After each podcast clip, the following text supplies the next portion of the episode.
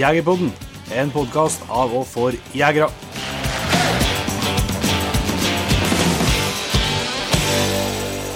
Hjertelig velkommen til en helt ny episode av Jegerpodden. Vi sitter på kontoret faktisk i oktober. Det er jo ikke helt bra, Jon Ingevik. Nei, men eh, det er mørkt ute nå, så Det tåler ak akkurat nå så er det, det er ikke noe skyttelys. Tåles akkurat om. I dagens episode det er et opptak fra i sommer med en kar som heter Rune Fossum. Ja. Som jeg i hvert fall eh, tror for dem som er litt interessert i fuglehunder, kan være et kjent navn. da. Vi prøver jo å holde oss litt sånn eh, litt dagsaktuelle. Men, eh, og vi spilte inn med han 31. juli. Mm. Men, og fram til nå, men han har jo sanka inn en hel masse nye titler han, etter at vi spilte inn med han. Yes, han, han har, hatt, har jo hatt veldig mye, har mye bra hunder, Rune, men han har jo gjort seg spesielt bemerket de siste årene med sin uh, Striara Forster eh, Boss. Ja. Og eh, nå siden vi prata med ham, ble Boss kåra til årets jakthund på Elverum. Og så ble det jo eh, ble han med på vinnerlaget på NM-lag. Ja. Eh, Og der fikk han nå Høyfjellspokalen som, eh, som beste hund på vinnerlaget. Sånn at eh, vi bomma ikke så veldig med å ta med Rune Fossum som gjest, antagelig. Nei, det, det føltes som at vi traff spikeren. Ja, jo. så eh, her er det mye å se fram til for den som er glad både i fuglejakt, men jeg tror nå i jakthund generelt så er det ting å plukke opp fra en såpass rutinert hundekar som en Rune. Ja, og jeg tror ikke praten har ikke blitt noe annerledes som vi har spilt med Nole, for han var, han var blyg med å fortelle om eh, prestasjonene sine. Ja, en lavmælt mann. Men det er det vi skal høre på. Så det, men vi kan ta litt uh, om, uh, om jakten og høsten siden sist vi var på luften. Da var jo du i ferd med å skulle flå en elg Ja. sent på kvelden. Og uh, den observante lytter kan jo allerede nå høre at en, Jon Petter er i atskillig bedre humør i dag enn han var ved forrige episode. For den der, det følelsesregisteret dette går altså meg opp og ned i bølgedaler. Ja, går i takt med dosen, det, gitt. Så det, men nei, det har jo egentlig gått. Det fortsetter jo egentlig i samme tralten eh, etter vi spilte inn eh, sist eh, for min del, òg, med, med lite los. Og fikk du riktignok en los på, i feil land, da. Um, med Rex til slutt på, på fredagen, så det var nå litt artig. Men eh, eh, så ble det et problem med både Dime og, og Freya. eh, er halvt. Dime eh, tror ikke jeg det er noe stor grunn til bekymring. Det er, noe, det er jo en hund som kjører seg ganske hardt så fort den er løs. Ja. Både avstand og tilbakelagt og tempo. Så der er vel noe, noe håndledd som er litt, eh, litt eh, stiv. Det tror jeg er i ferd med å, å løse seg sjøl. Men eh, Freya er litt mer bekymra for det. Der er noe, noe betegnelse i skulder, blant annet, og så er det noe hitte udefinerbart i bakparten eh, som ikke verken veterinær eller eh, laserterapeut skal jeg se klare å finne ut av ennå, i hvert fall. Da. Så det er noe smertestillende og betegnelsesdempende på henne, og så får vi nå se om det, blir, om det går over, eller om vi må på røntgen og gå litt dypere inn i etter hvert. Ja. Så det, det, jo, det har ikke akkurat vært grunnlag for å ha topphumør her, da. Nei da, det har det ikke. Når, Det var ikke det, men uh... Men du har jo du, du gikk jo godt hos deg før i godt hos meg, nær sagt. jeg måtte jo øh, jeg måtte trekke meg ro, sindig og rolig ut av terrenget, terrenget som vi har laga i lag med noen kompiser der, der jeg skulle ut før, før helga. Så var det bare å trekke seg til et, til et nytt terreng. og Etter vi skulle til Oksen, ja, så har ikke interessant vært lenge. Ja, jeg kunne godt ha jakta opp her mer, men det har ikke vært noe Da tror jeg jeg har blitt oppsagt til å men uh, nei, vi, det kom nå en uh, ny kompis oppover som var med og, var med og jakta i helga, og jakta hjemme i Grøndalen. Og jaga, jaga fredagen, ja, da, nei, lørdagen. Da ble det ikke noe mye ja, fine hundejobber, men ikke noe, ikke noe los og ikke noe, ja, ikke noe uttak. Det er faktisk bare lang sporing. og fin dag, Fine dag i fjellet med to bål, faktisk. så... Dobbel. Yes. Duble. Men eh, sønnen ble artig da, da slapp jeg Laikan. Eh, som eh, jeg syns tegner bedre og bedre, egentlig. Eh, har noen fine søksrunder på som de skal gjøre. Og til slutt så dro han ut på, dro han ut på været og fant seg, fant seg en elg på, ut på 700 meter som han begynte å lose på, og som han stilte i uttaket. Og da ble jeg glad. Ja. For det er første gangen jeg hører hund lose på noen dyr, bortsett fra sauen, som han deler, Delegård med. deler gård med, skulle du si. Så det var skikkelig artig, og han dro på, dro på bra i losen. Og, Sto i uttaket. Mm. og eh, ja, seg, seg litt unna etter hvert, men uh, det var bare, egentlig bare svært. og Jeg fikk komme meg innpå, og han satt innpå på 30 meter. Og, og fikk etter hvert se litt på elgen, og konstaterte at det var ei ku, da. Vakseku. Uh, og så meldte jeg fram det til han andre som sto på, sto på post lenger nedom. og og støkte ut det, og så gjorde det en liten runde og roa seg igjen og kom i ganglos på han. Og han jo fikk jeg på 20-30 meter og konstaterte at det var ei styggstork vakseku. så, så hun fikk, eh, fikk gå videre. Og så mm, sa jeg til henne at jeg måtte bare prøve å rope på hunden, og det gjorde han. Han kom ikke med en gang, men han eh, ga seg og kom tilbake. Så det er jo fryktelig uvant og noe jeg kan like, da. Ja. Når du da har los på gammelku og får kobla hund og er liksom ferdig med det slippet og har med deg hund hjem igjen før klokka tolv. Det, er, det er noe jeg kan like, det. Ja. Men eh, fikk du med kontakt med han liksom innpå losen? Sånn mens du var inne og kikka, merka han at du var her? Han merka det var det, men han var mer opptatt av elgen, ja. Men, eh, men det var det var, det var før at jeg, jeg var litt forsiktig. Jeg, òg. Det var før at jeg merka at det var, var en vaksegutt. For det var, jeg ble var at det var i vaksegutt når, når jeg støkte. Ja. Um, Så litt trua fram til søkninga? Ja, jeg var spent opp på sjø. Så, nei, det var en, det var en sånn stor, jævla fin dag og har ikke vært noe Klart det har vært artig å skutte i for nå, ja, men det, det tror jeg kommer senere. Men bare å få høre losen hans og se, se elgarbeidet, og, og at han stilte elg i uttaket, og det, det var artig å se. Ja, det var, det var jæklig artig. Og det ble noe, mandagen røk nå bare som skulle være en kjempejaktdag, men det ble røkt noen sjøl i veterinærturer og mm, Nord-Trøndelag rundt eh, på leit etter kiro, kiropraktor. ja. til hundene, ja. Ja, til hundene, ja. Så det er rart. Men eh, tirsdagen eh, så ut eh, oppi der du skal til Oksen. der har vi en, en elg, et ung- ungdyr. Så var jeg og en kompis av oss, Toma, og så eh, Arild var med òg, som er på jaktlaget der. Og han satt på en eh, post der, og så gikk eh, han Tomma ut i lag og, og slapp eh, Rex. Og det gikk bra. Han gjorde seg først en, en ganske fin runde, kom tilbake til oss, og så satt vi bare i ro, og så gjorde han en, en større runde. Og ja, når han kom ut på en ja, 700-800 meter fra oss omtrent, så begynte det å skjelle. Og det sto pal i uttaket. Da steg plutselig humøret, ja. Ja. Finner innrømme det. Det var, det var satans godt, rett og slett. Ja, for han du hadde med deg, han Tomma der, han, han følte han hadde vært litt sånn psykolog. At han på, på bilturen dit og liksom uh, Prøvde å bygge opp litt. ja, ja. prøvde å bygge opp humøret litt, men det, det kom seg fort. Det gikk, gikk, kom seg veldig fort, da. Og da, det, er jo, ja, Du er godt kjent oppe her, så du, det jo ikke langt ifra der du skal til Oksen heller. Nei. Så det er jo helt eh, så strøken skog. Det er jo sånn skog du drømmer om å få spy på los i. Ja, det, det, det er det som er så fint oppe her, at det, er jo, det finnes jo nesten ikke plantefelt. Nei, bare, og Der er jo stor granskog, Ja, liksom. en gammel, skikkelig gammel, skog, fjellskog. Med liksom langt imellom tellene. Mm. Så det er en, var en drøm at jeg skulle stå der, og det sto, sto veldig godt i starten. Eller vi gikk vi Jeg har ikke ja, Jeg ville innpå.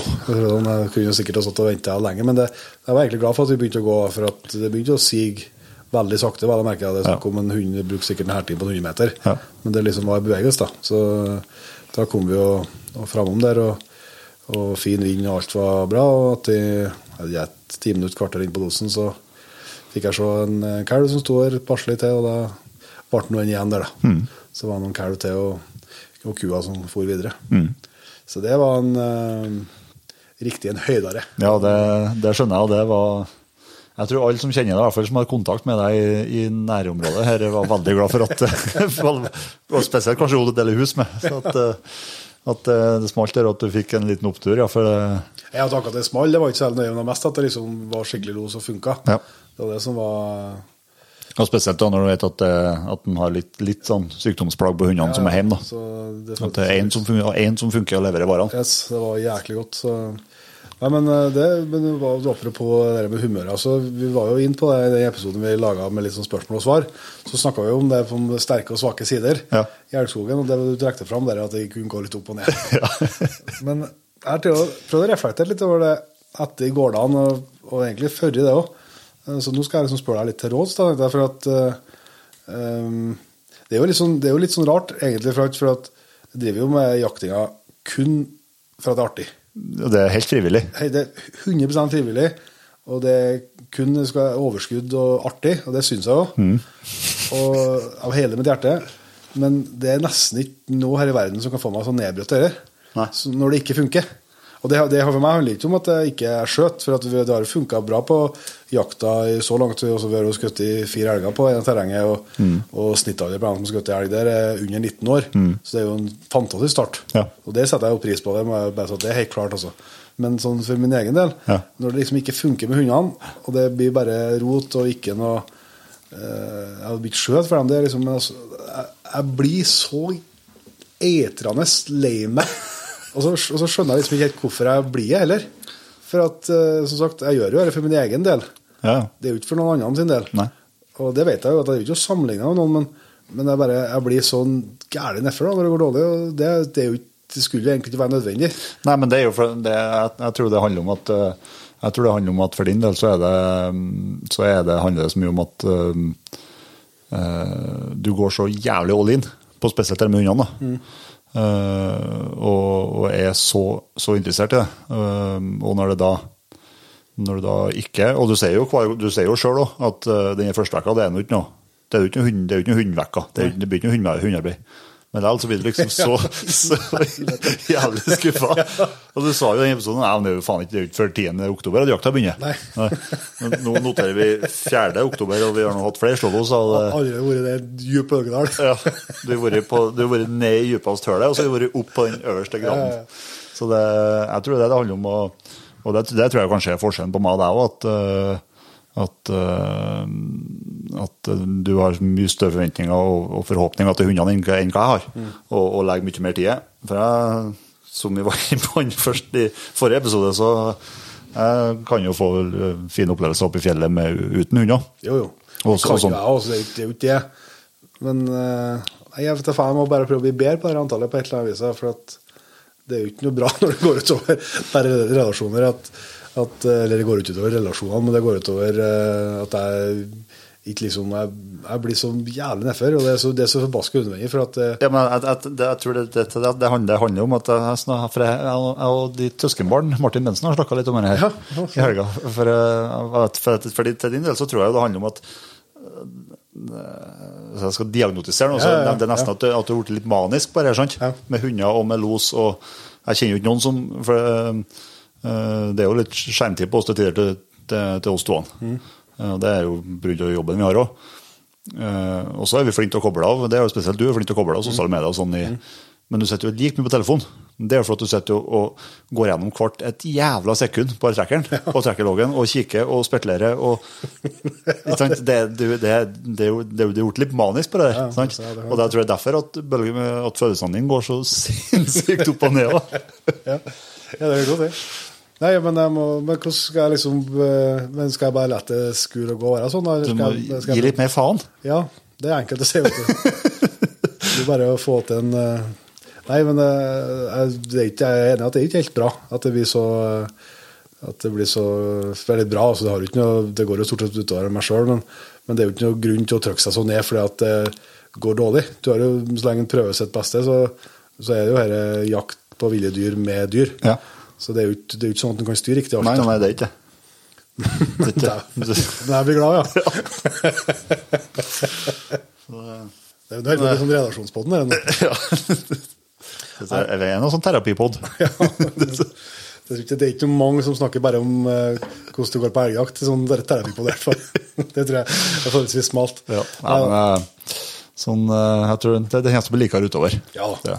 Ja men eh, det er ikke, jeg har ikke, det er ikke at jeg har ikke en sånn eh, Heldigvis da, så har ikke jeg kommet dit og håper jeg kommer. Jeg har ikke en sånn tall på hvor mange loser eller hvor mange elger eller noe sånt. Nei. Men det er bare sånn, nå har vi på en måte ja, Daim har det to elger før, så uh, og nå har jeg fått en for, uh, for Rex liksom helt par- alt der alt var perfekt. Mm. Så da er liksom Nå er så det føles akkurat i dag, i hvert fall. Ja, ja, ja. Så, så er liksom høsten berga på et vis.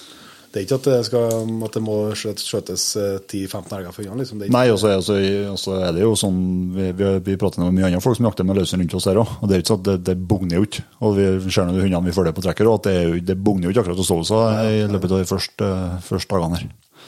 Så det kjennes bare at det blir likere. Og nå eh, jo eh, Nå er jeg jo oppriktig trua, for nå kommer jo et værskifte her. Det, det er meldt minusgrader til natta, og det er meldt litt snø. Den, den forsvinner igjen, så det er ikke noe fare. Men bare at det blir meldt litt minusgrader. Det er mulig for, mulighet til helga, men det er mulighet for å skjøte storokse med snø i krona. Dæven, da må du i fjellet, ja.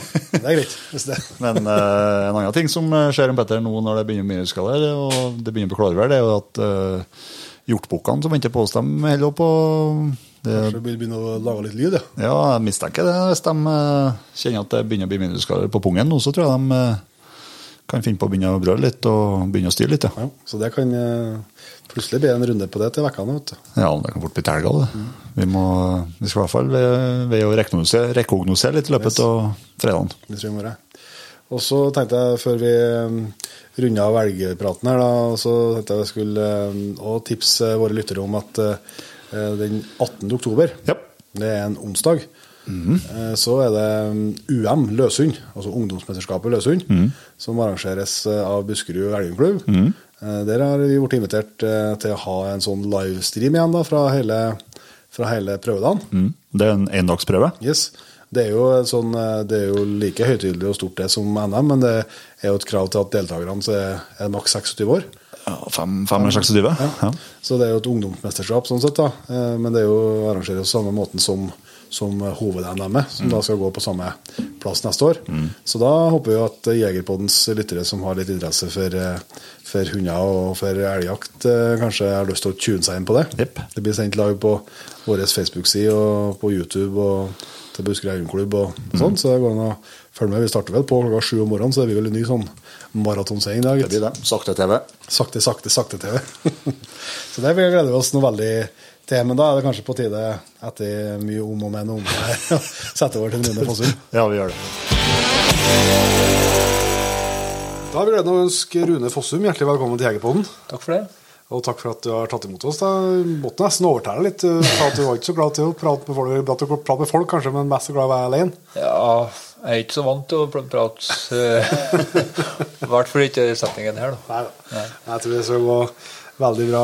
Det er jo en eh, langt over snittet ivrig både hundekar og jeger, Rune, så vi skal ha mye å prate om, det er jeg helt sikker på. Men eh, vi kan starte der at du får lov til å fortelle litt om deg sjøl, kanskje. Ja, jeg blir snart eh, 52 år, så jeg på vår eh, gale venn. eh, eh, oppvokst oppe i Ungdalen, som vi, er nå, da. Ja. litt lenger opp. Jeg er oppvokst på gård. Har ikke hatt noen jegere i familien, Nei. bortsett fra oldefaren min var vel elgjeger. Så han hadde gråhund stående på gården, Ja. som jeg var oppvokst på. Jeg er utdanna økonom, så jeg jobba som det noen år. Ja. Og så nå er jeg liksom heltid med hund. Ja. Driver hundepersonat. eh, eh, Driver mye med kursing og, og trening av fuglehunder. Ja. Så det er hund på fulltid. Ja, mer eller mindre, da. Mer eller mindre. Eh, Men ikke noen jegere i familien. Du har blitt jeger sjøl, da. Hvordan, eh, hvordan hadde det seg? Nei, eh, det var jo egentlig tilfeldig, det. Jeg hadde en, kompis i, der jeg vokste opp. Han hadde strødaks. Og jeg var med han på rådyrjakt. Ja. Da var jeg vel kanskje 17-18 år, da. Og jeg likte striårdagsen. Ja. Det er jo en uh, striåra forster i miniatyrutgave. Litt kortere foter. Litt kortere foto. Samme temperamentet og Gutsen. samme gutsen. Så jeg ble egentlig litt fascinert av det hundene hans. Ja. det var egentlig det som vekte eh, jaktinteressen min.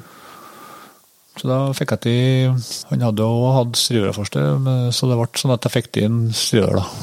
I 91, tror jeg. Det var. Så da var det liksom Det var til tilfelle at det ble forster i starten? eller? Ja, det var veldig tilfelle. Det var egentlig av den av han, egentlig. Gikk Ikke bra med første fuglehund, ja. Ja, jeg syns det. Ja.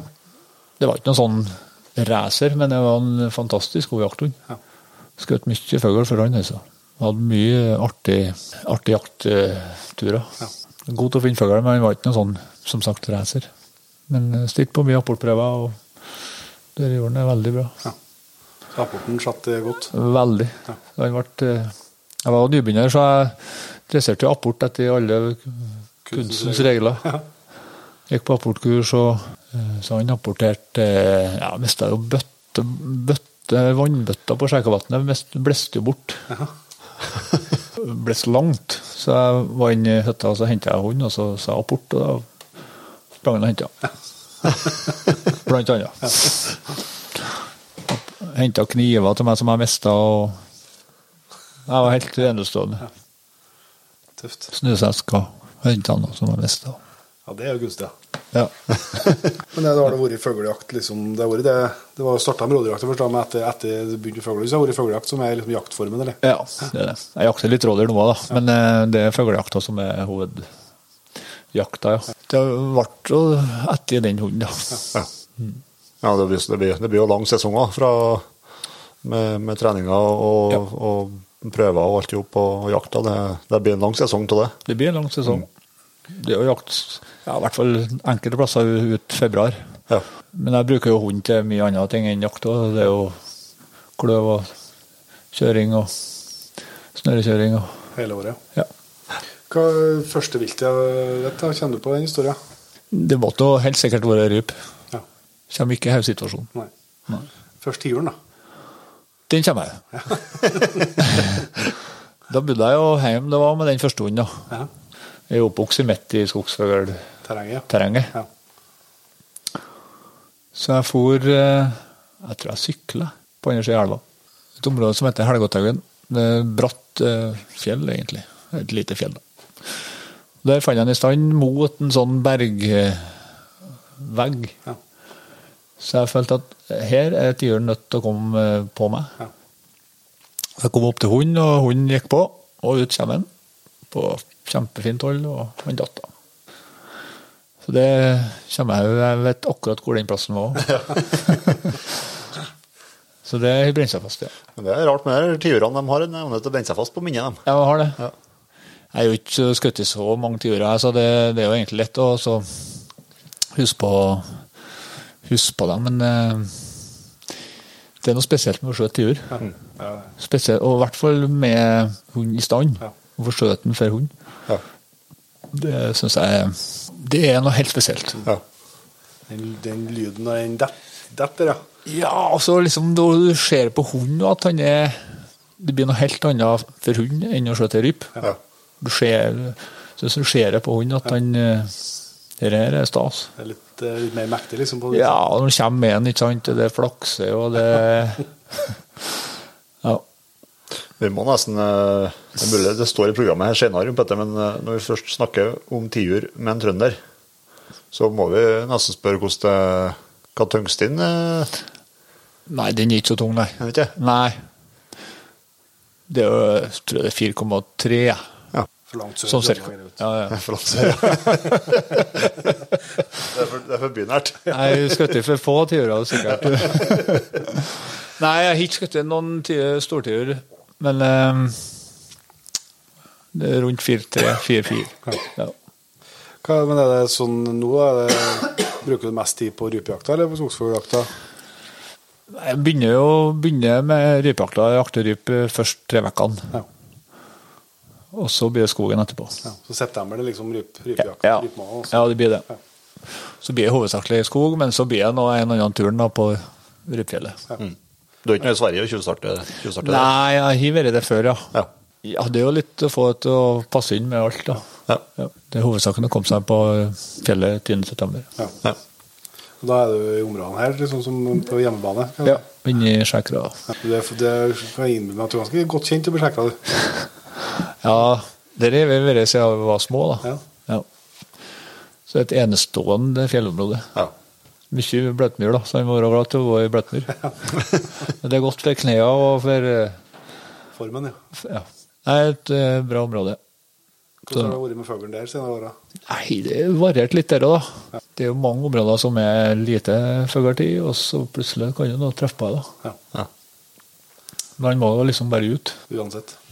Ja, han finner jo ikke noe fugl hvis han sitter hjemme. Nei, det er jeg sikre. Så det Så er vil kanskje litt nysgjerrig vi har på hva som befinner seg i våpenskapet eh, til våre gjester. da. Det er heller ikke noe sånn kjempespennende. Det er jo ikke så lenge siden jeg er jo, jeg er jo ikke vært noen sånn Jeg trenger ikke noen sånn kjempegode våpen, men jeg, jeg er jo jakta med star, begynte jeg å jakte med Ja.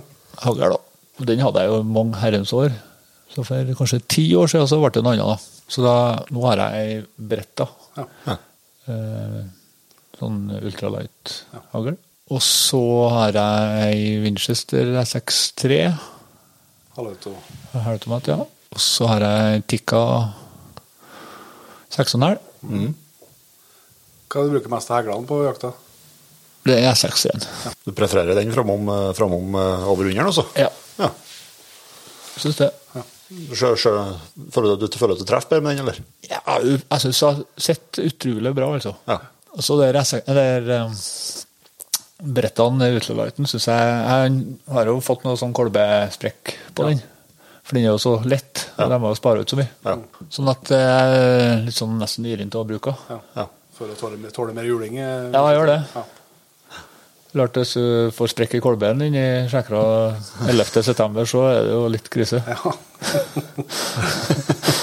det er en bit å gå hjem, altså. Ja, det, er det. jeg hadde jo jeg hadde jo til reparasjon på Jakt og friluft i Arendal på brettene. Ja. Så klarte jeg ikke å få tilbake til 10. september, så jeg lånte meg helautomat til å begynne med. da. Og den skjøt jeg fryktelig dårlig med. Krisedårlig. Så fikk jeg tekstmelding inni sjekka at hagla mi har kommet. Da. Det tror jeg var kanskje 12. september. Ja.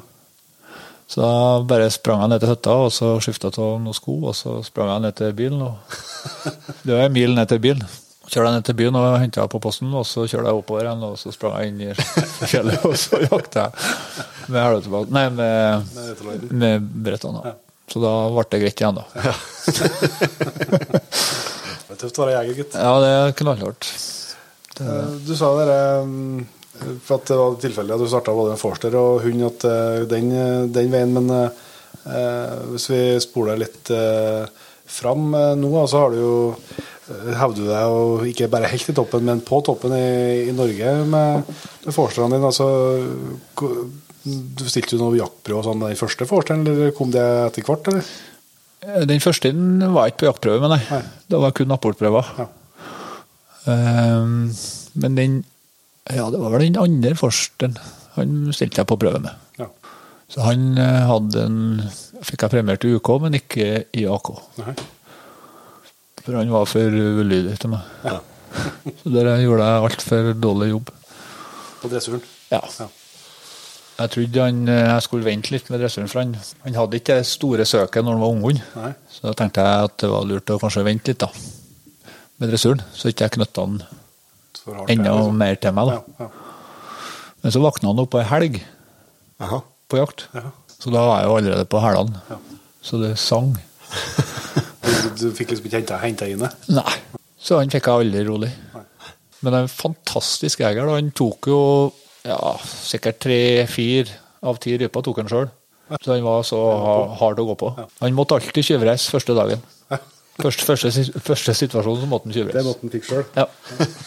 Så etterpå så var det sånn OK, da. Det er ikke frustrerende, eller? Å, fy faen.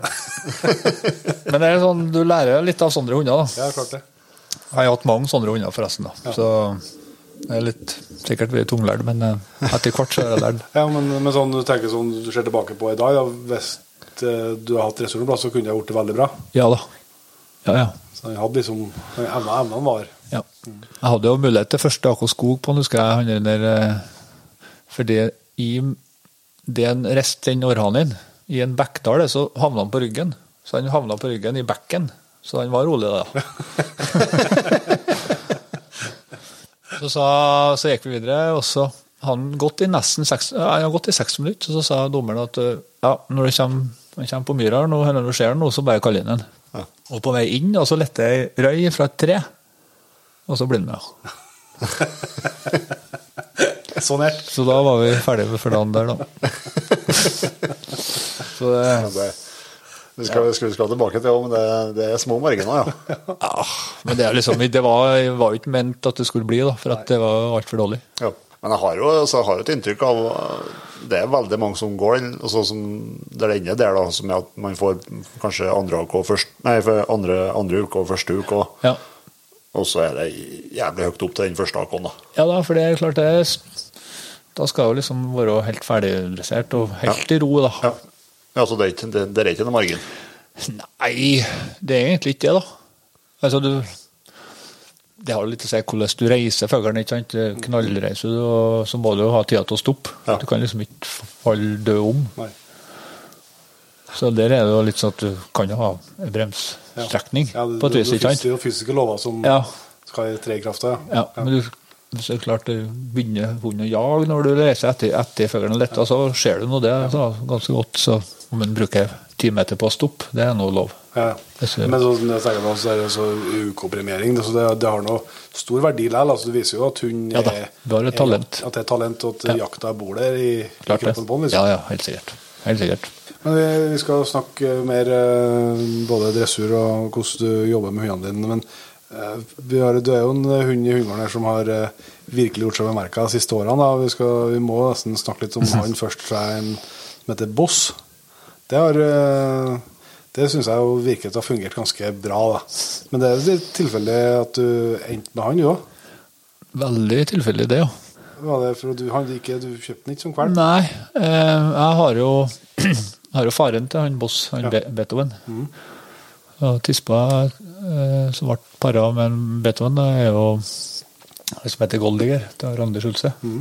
Så det var bare sånn tilfeldig at jeg oppdaga på Facebook det var en annonse på en hund som var til omplassering. Ja. Og så tenkte jeg hva? Slags hund er det? Og så så jeg jo, eller ble det vare at det var jo hund etter en Beethoven.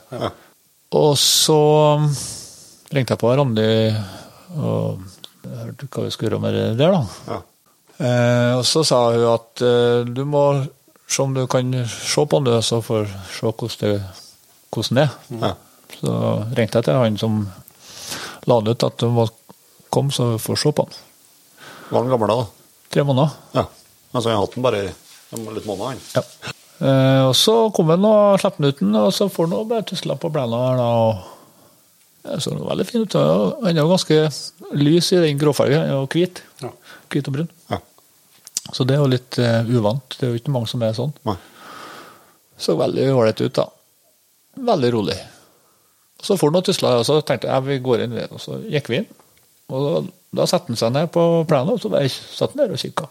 Så tok vi inn en etter en stund, og så første han gjorde, var å hoppe opp i stolen. Det la han seg og sov. Ja. Da ble noe der, da. Ja, for du hadde, du hadde nok hunder på tidspunktet, så du hadde ikke tenkt en valp til, liksom? Nei, jeg hadde egentlig nok, ja. Ja. Så jeg har jo den sammen med ei anna Ja. så vi er to menn. da. Ja. For jeg tenkte at jeg har hatt egentlig flere unge hunder Ja. i den tida. Sånn at uh, Jeg skjønner at du angrer ikke på at det ble sånn, da. Nei. Han har vært Det var ikke noen sånn unghundstjerne, det der. Det var Søksmessig var han ikke, eh, var ikke noe spesielt. Men han var tidlig, jeg så jo tidlig at han var brukte nassen og var egentlig god til å finne fugl. Ja. Jaktløsta var Ja, men han hadde ikke den farten og søket. Nei. Nei. Men han hadde nassen med seg. Ja. Så han, hadde, han var på jakt, ja. Så det er klart, det, det var jo jaktlystig. Ja. Når var liksom det begynte å komme det med søket, og at, du, at det liksom ble litt mer trøkk inn? To, over to-tre år. Ja. Ja, Den jakta etter når han var to år, så begynte det å løsne litt. Ja. Da la han på, han stilte han jo på prøve når han var ja, han var ett og et halvt år. da. Et, nei, han var ett år cirka. Nei, jeg tror han var ett og et halvt. Og det var ikke noen storsøker, men han hadde jo fire fuglearbeid. Ja. Med reis, den første starten hans. Så han fikk jo første uka. Men eh, sånn søksmessig så var det sånn middels. Men det er klart når du finner fugl fire ganger, så, Ja. Hjelper på. så, så er jo det jaktlig, det. Ja, ja, Ja, så det utvikla seg egentlig Han har vært ganske grei sånn å holde på med ja. i fugl. Så at alltid har blitt OK til en i, i fjellet. Så det liksom balla på seg det med Det er blitt nesten en besettelse for å finne fugl. Det er ikke ulempe, det. Nei, det er ikke Fuglehund. Nei, og du har liksom trua på hver gang du slipper den, så er det sånn at ja, men eh, nå er det fugl snart. Ja. Det er jo en god følelse, det, da. Første liksom storprøven han vant, da var var NM, eller hadde han noe stor Hadde han noe vinner... Han fikk jo første AK Det er så dårlig til å huske på, men han i flere første VK, da. Han har vunnet flere prøver, prøver for i NM-en. Ja. Eh, Men han fikk jo Han var tre Skal vi se, han var to og terd. To og terd når han fikk første AK. Ja. Mm. Like før jul. Så fikk han noe Han har første AK på, på skog og på Høyfjell og vinter. Du må ta oss med til An- Andøya på NM vinter. Det var nå en eh, bra helg, eller? Det var ei super helg, det, ja.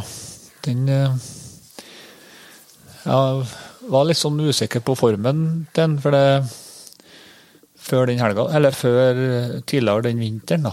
For jeg trener jo ganske mye med dem, så det er om å klare å så slippe opp eh, tidsnok så at de blir, kommer i form, da. Ja. For de blir litt sånn tung til meg. Ja. Ja, så du må bruke, dem litt mye, ja. Ja, jeg må, jeg må dem der streåren, han må ha dobbelt så mye trening som andre. Ja. Han- Andre altså, for at han skal Syns jeg, da. For at han skal hevde seg. Og da trener jeg ganske mye Men er det, tenk, er det da også fysisk trening? Eller? fysisk, ja. Ja. Fugletreninga er bare en bitte liten del. ja. Så mye fysisk trening. Eh, Så jeg var tung, egentlig. På de første prøvene så var jeg veldig tung. Og så tenkte jeg jeg må slippe opp litt. Det var bare sånn lett lufting. Ja. Eh, En ukes tid. Så på den prøven før i NM-en så, så så jeg på den der kjeften da at eh, han var på bettet. Ja. For han så ikke etter meg. For de ikke er helt i form, så ser de på meg eller følger med meg litt for mye. ja. Da vil de heller jakte rundt der. eller- Ja, altså de er ikke helt der de skal være oppe i hodet, da. Nei. Har ikke overskuddet. Men eh, da, det fikk en overskudd den helga der, da. Så da skjønte jeg at han var i god form, da. Fikk, de fikk jo Strio-laget fikk jo sølv på NM-lag på torsdag. Kvalik. Det er er tre unna som er når det er sånn på lag. Ja, det er tre hunder. Av alle rasene, så det er 21 hunder. Ja. Eller det ja, 21 hunder. Det er sju raser. Så vi fikk sølv, ja. Kvaliken, så den mannen fikk første veka og fikk eh, andre veka i semien. Og så finalen så hadde han egentlig den beste dagen sin. Ja. Det var fjerde dagen hans. da. Det var mye snø, da. Så da, det var tungt føre. Så jeg hadde egentlig god betaling for å ha han så godt trent. Ja. Så han kunne sikkert ha gått i tre dager til i det føret. Ja. Men når skjønte du at det, når skjønte du at det kom til å gå helt inn, da? Eller- Nei Det var litt sånn rart, for at det var jo flere med fugl, da. Det var, det var tre, tre, ja, tre med fugl, ja. Før han skulle ut i tredje runden. Og da hadde ikke Boss noe som helst. Nei. Og så dro de seg ut, begge to på enes flanken der, og så makkeren, pointeren, dro seg ned til høyre, mens Boss tok litt lengre drag opp til venstre. Før han liksom begynte å vinkle mot meg, da. Og på vei inn til meg så sendte han ned og skit. Så tenkte jeg at eh, jaha. Dere har du egentlig ikke tida til.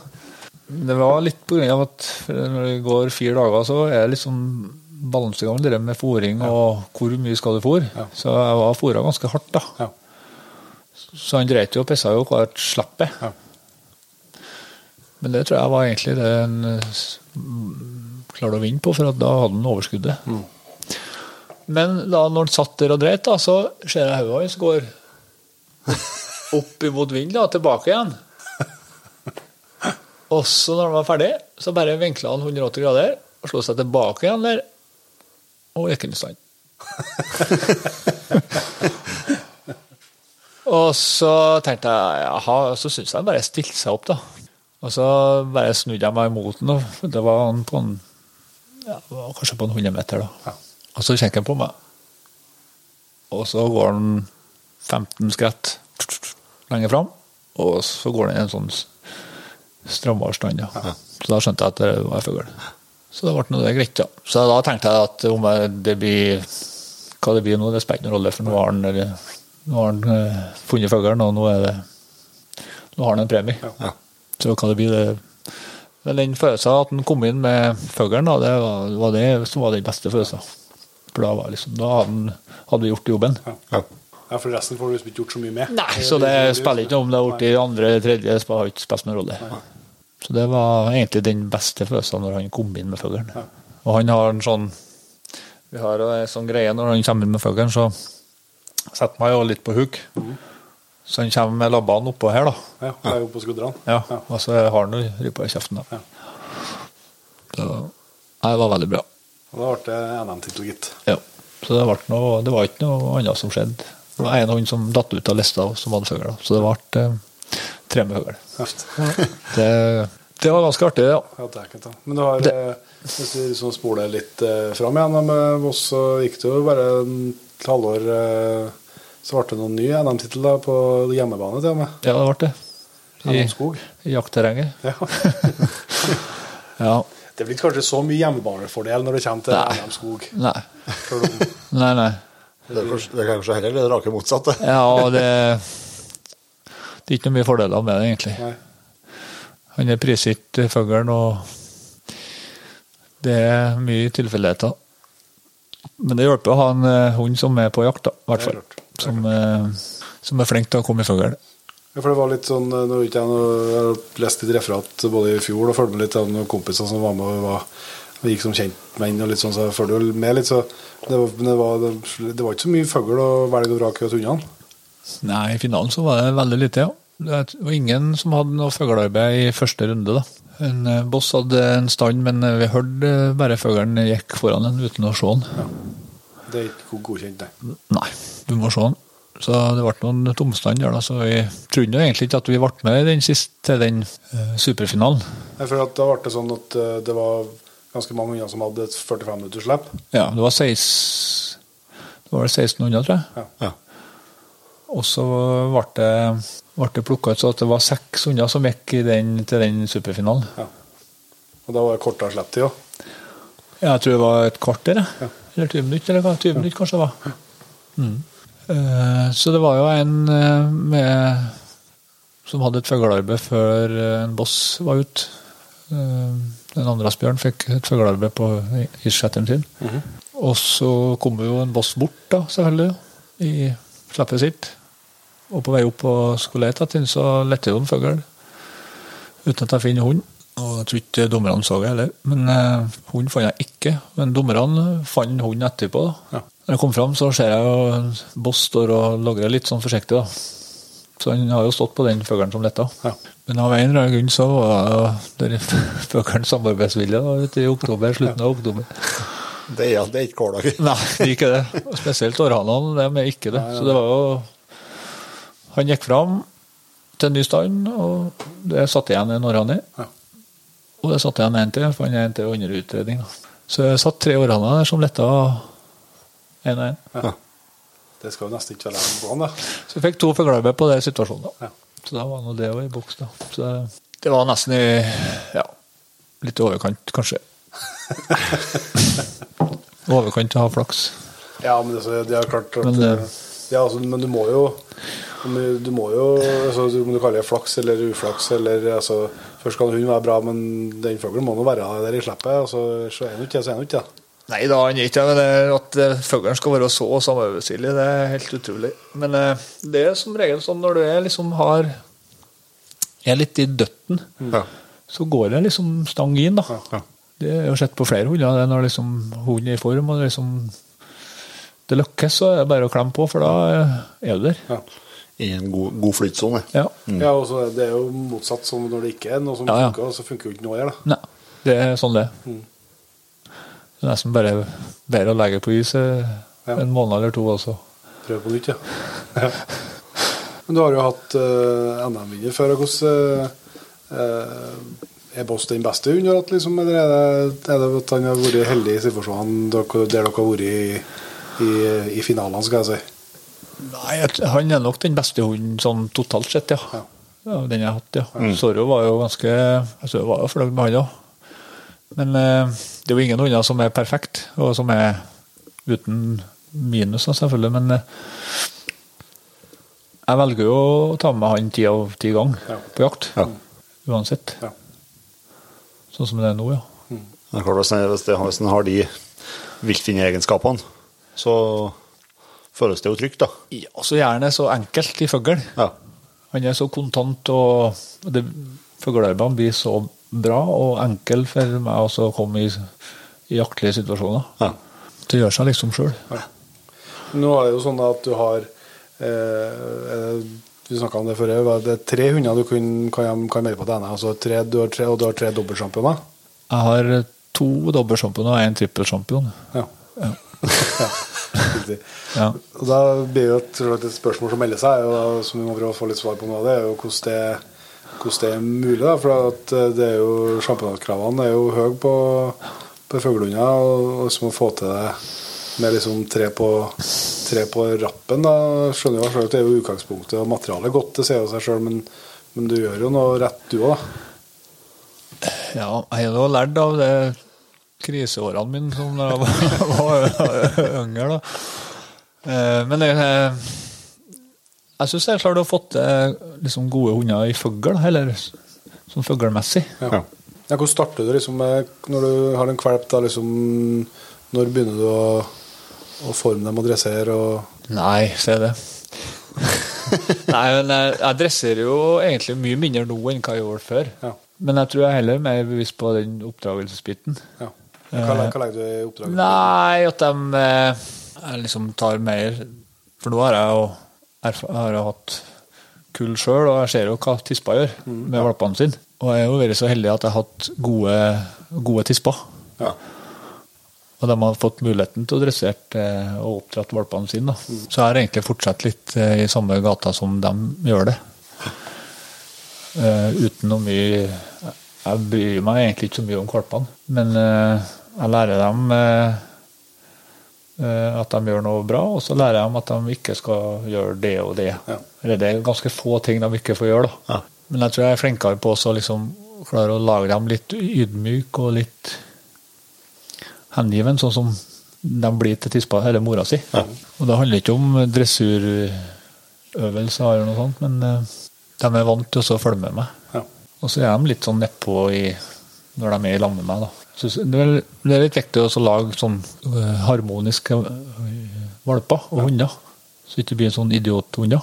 Det er jo litt som med unger. Vi må liksom lage altså, oppdra dem sånn at de blir OK.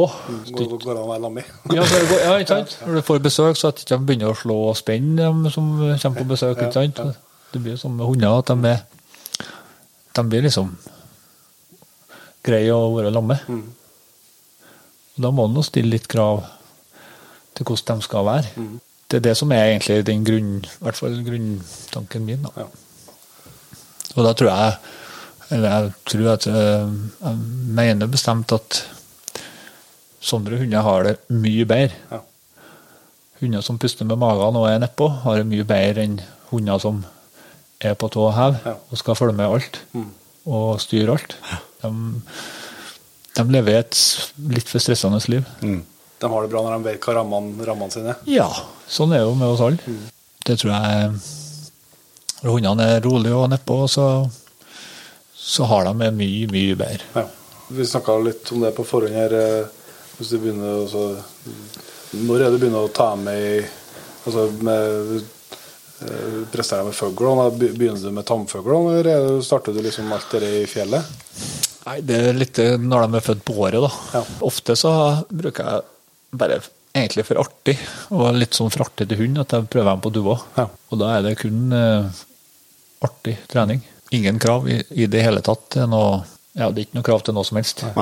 De gjør som de vil. si. Ja, de gjør sånn de vil. Og med å oppdage fugl eh, uten at jeg eller noen skal blande seg inn. Ja. Så de får liksom oppleve det der sjøl. Hvor, hvor gammel er de typisk da? Nei, det er ikke noe mye yngre enn sju-åtte måneder, nei. Nei. Det er litt avhengig av typen. Og, Sånn som Ina nå på hun er ett og et halvt. Hun har bare leka meg med dua. Tar noen korte stander, og så pinser opp fuglen, og så er hun i området. For du, du har dua sjøl på, på hundesenteret? Mm, har det. Så du får liksom, da får du liksom se på nært hold hvordan hunden din er òg. For du trener litt på hvordan du skal gjøre ting, og, så at det blir litt sånn naturlig og dynamisk. Ja. Men når du begynner å ha med i, i, i fjellet, liksom, da du skjønner jo at det er litt avhengig av når de er født, selvsagt. eh, jeg forsto deg rett, så du gjør liksom litt tanken din at du, du tar dem med til fjell, så du jakter med dem og lar dem på en måte Du har, vet at dressuren på plass, men du benytter ikke av den, på et vis. Det er det som er tanken når du begynner å dra til fjells. Ja, jeg vil jo at øh, hundene mine skal bli gode i fugl.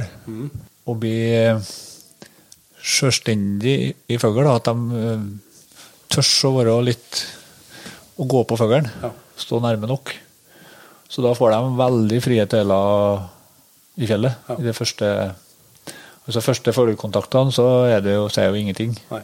Samme hva de gjør, om de bare springer rett igjennom. Så. Ja, ja, men de gjør Ja. Ja, ja, om de stikker eller det, De må lære det der. Men jeg har jo alltid eh, har jo alltid kontroll, så hvis jeg ser det går over alle støvleskaft etter hvert, så kaller jeg jo inn dem. Ja. Men det er jo aldri noe krav om ro. Nei. Men ro på en unghund er er jo 50 meter, 40 meter. Ja. Sant? Men det som er, er Målet er jo egentlig å få hunden til å skjønne at uh, når fuglen letter, så er jo fuglearbeidet over. Ja. Det er jo ikke ro, det er jo ikke eh, ro i oppflukt og skudd som er fuglehund. Det er jo det som skjer før fuglen tar til vengene, som er fuglehund. Ja. Ikke det som skjer etterpå. Det er jo bare en dressursak. Det er jo det er det enkleste i verden å få til.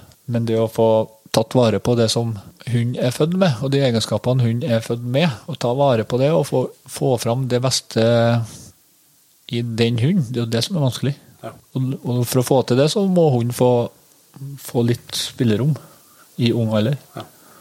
Så at det får komme fram, da. Hvis vi legger begrensninger på det tidlig, så kommer vi ikke fram. Men eh, feller du for dem òg, da? eller? Ja, ja. Ja. Fall og porter og alt. Ja. Første jakta så er det, er det ingen eh, regler. Det høres jævlig artig ut. Ja, det gjør det. Jo, men det, ja, men det var det. Jeg hadde jo, hadde jo valpesamling nå forrige helg. Ja. Søsknene til Ina de er ett og et halvt år. Det var jo ymse ikke sant, i forhold til hvor langt de har kommet. Og i hvert fall en av dem var jo usikker på om en skulle i hele tatt jakte med i høst. da. Ja. For at det var liksom Han gruvde jo. Ja. For at, om at det var rolig, eller mm. Når vi kommer dit at vi ikke tør å jakte dem Ja. Da. Nei, det er er ikke bra, det. Nei, det blir ikke bra. Det er det vi har dem til. Ja. Så vi må jakte med. Men vi må liksom gjøre en jobb for det, da. Men det er jo Vi må tåle å se at en hund er i bevegelse når det er fugl i lufta. Det er ikke verdens undergang, nei. Nei, det er ikke verdens undergang. Nei. Hvis du skal klare å få til gode hunder, så må vi tåle det. Men da, jeg bet på merke du sa at å få til ro i oppfulgt og skudd, at det var verdens enkleste ting. Ja. Da må, det, det må, da må du ta oss gjennom det. Nei, jeg har funnet ut etter hvert at det er verdens enkleste. Ja, Men det, men det var ikke det før. Nei, for det er ikke alle som er enig med deg. Nei, Nei det, det var litt, kanskje litt flåsete. Men jeg tror det at hvis Eller jeg mener det at hvis at vi har et langsiktig eh, strategi på det, med det at hun skjønner det at når fuglen letter Når fuglen er i lufta, så er fuglearbeidet over. Og når vi, lag, når vi har såpass til kontroll på hundene at de hører på oss når vi kaller inn dem, så blir ikke det der fuglen i lufta er greie. Da blir det ikke noe stimuli til, det som flyr. Vi har en tendens til at alt skal jo handle om ro i oppflukt. Ja. Vi blir jo overøsa av det på Facebook. Rios-kurs. Alt handler om ro i oppflukt. Ja. Det er ingen som snakker om hva hunden skal gjøre før det fuglen tar til vengene. Nei. Som er jobben, nei. Det er jo det som er jobben. Og det som er det fascinerende. Ja, det er det som betegner en god og dårlig hund. Ja, og det er jo det som er artig å se Ja. alt. Jeg syns det, ja. Det er jo ikke artig å se hund som setter seg. Nei, men det, det er jo bare et sirkusnummer. ja, det er jo det jeg mener. Altså, Ja. Det er jo den eh, Når du ikke helt skjønner hvordan i all verden fikk du til det. Det som er tøft. Ja, det. Derfor så blir vi litt sånn Vi får liksom feil fokus. Da. Vi skal ha dem til å sitte i ro så altfor tidlig. Og så roper vi sitt, da, om det letter ei kjøttmeis eller en trast eller kråk, så roper vi sitt. Ja. Og da blir alt det som flyr, da, ei greie. Så får, lager vi sånn eh, jagere. Ja. Men hvis du tar det litt med ro, og så heller eh, la hunden få litt rom i fugl, og så heller kalle inn de, Ja, det Det kan jo være på 30 meter, 50 meter, 60 meter. Alt ettersom hva hun gjør før. Ja. Så får vi roligere hunder. Da får vi ikke noen jagere. Og da er det, når hunden blir to-tre år, da, så har vi bare den siste biten igjen. Ja. Som er, den er jo veldig enkel åren da. Ja. ja, og spesielt hvis du ser sånn at du har klart liksom å innprente deg i hodet til hunden at det er ikke noe sensasjon at det flyr en fugl. Kaller du inn dem når de holder på å redde ut, eller? Eller kaller du inn dem når de, når de eh, Ja, hvis de står da, ikke sant, og så, reiser, og så ber du om reis, da, for eksempel. Da. Ja. Og så letter fuglen, og så kan de få bli med 40 meter. da. Ja. Hvis at hunden er forsiktig, så kan de få bli med 70 meter òg. Ja. Det er jo alt ettersom. Og så snur den, kommer tilbake, ja, flink, ja. Da er det jo greit, ja. Ja. Sånn kan du holde på til med to år, inntil at du skal eventuelt på prøve. eller Så kan du gradvis da, så Kort ned på kutte ned den tida. da. Men etter hvert så vil jo ikke hunden jage heller. Nei. Da vil den bare stoppe når dette. Så på vedkundene mine så ser jeg aldri sitte hjemme på trening. Nei. Aldri. Jeg bare tester innimellom at det funker, men jeg vet jo at det funker. Men det er jo sånn For hver gang du sier 'sitt' til en hund da, i fugl, og så sier 'sitt' til en hund i fugl da, 100 ganger på en vinter og 100 ganger på høsten, så vil du ta av den litt. Jervhet. Ja. Det forsvinner en liten prosent hver. Ja, bitte litt. Noen hunder tåler jo alt, så at det, det kan jo ikke så kan gjøre alt uten at det skjer noe, men eh, jeg vil jo ha hunder som er friske i fugl til de er 10-12 år. Ja. Ja, for det, du tar jo i en del hunder og som, der du hjelper til på forskjellige stadier i, i prosessen, men det, du føler oftere at du da får hunder som måtte, du må prøve å reparere, eh, istedenfor at du skal begrense, skal jeg si. Ja, det blir fort det, da. Ja. Og, det, og da blir jeg aldri like bra. Nei, du må i hvert fall bruke tid, da. Ja. Det er ikke noe som du kan ordne på en måned. Nei, men å begrense kan du ordne på en måned. Potensielt, altså hvis, hvis, hvis grunnressursen er der. Ja, det kan du gjøre, men det er liksom ikke Den må alltid Det som kommer litt lett, det fer som oftest litt fort òg. Ja. Det er klart, får du gjennomarbeid en hund på to år, ikke sant, så vil det jo liksom være det som gjelder. Ja. Ja. Da sitter det jo. Er klart, skal du gjøre på to måneder ting skal få til, en- Det er jo ikke noe som heter å få til en fuglehund på én måned eller to måneder. Liksom, du blir jo ikke utlært på to måneder. Nei. Går ikke an. Nei, men altså, Det jeg opplever ved å snakke med deg nå, altså, så syns jeg du virker litt mer tålmodig på disse tidsperspektivet ditt enn kanskje jeg opplever at mange andre er. Sånn altså når måte, alt skal være på plass. Mm. Altså, du, du sier liksom både to og tre og, og fire år, liksom, eh, mens kanskje mange har mål av seg at det skal være eh, mellom ett og to en plass. Jeg har det som en tanke, i hvert fall. Ja. Jo, det er jo greit at de kan være få til en hund når de er ett eller to, eller to år. Men vi har en tendens til å sette for store krav Ja. i den alderen. Så nevnte du nevnte før her at, at det er litt forskjell på, på setter og forster nå. At han eh, Du, vet, du, du er såpass ærlig du at du, at du også ser og vet, vet at han er litt tregere. Ja, ja. Ja. Så det må være litt sånn gi ham enda mer rom, egentlig. Jeg har i hvert fall gjort det med setterne. Ja. Enda mer rom i fugl, da. Til at det setter seg enda mer, at det liksom blir frimodig. Og... Så han engelsetteren som er to og et halvt, han kunne jo ikke sitte før nå i vår. Nei. Det var kun innkalling. Nei. Så han er jo, han er jo fire første uka, han og fikk jo første uka i Darby, semien og. Men det var jo kun opp og, og innkalling. Ja. Og det er jo, det er jo langt innenfor kravene i UK. Ja. Ja. Så vi her hundene skjønner jo òg mye mer på hva vi mener, da. De skjønner jo I stedet for at du skal be hunden reise, og så skal du brøle.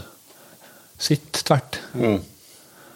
Sender litt, sender litt ulike signaler, ja. Det blir, litt, det blir for hardt, så.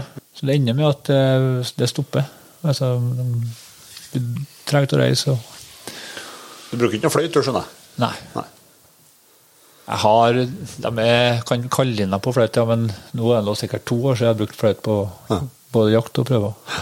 Jeg synes det er fascinerende. Så må det er logisk på når du ser jo også dere, spesielt den her eh, kalle altså, Du skjønner jo å tenke på hund. Altså, det er jo ikke så enkelt for en hund. Altså, når eh, du kommer opp til ser for deg det er stand, og du kommer opp til hund, og det er supergira og litt puls, og syns det er spennende, så du kom igjen og skikkelig glad fornøyd, og så går det 0,3 sekunder, og så er det Brøling. plutselig styggsint. Ja. Ja, ja. Det- Jeg skjønner jo at det, liksom, det er hunden bare ja, men Se for hva faen vil du, da? Vil du at skal, det er jo ikke så enkelt heller. Nei, som, som regel så gir den noe F, da, og så bare fer. Ja, ja. Eller så går det ja, mest, Det er jo, som oftest det. det er jo det vi karene gjør, og kvinnfolkene plutselig Ja. blir sånn tversur. Ja, da Da fer vi. Skjønner jo ingenting.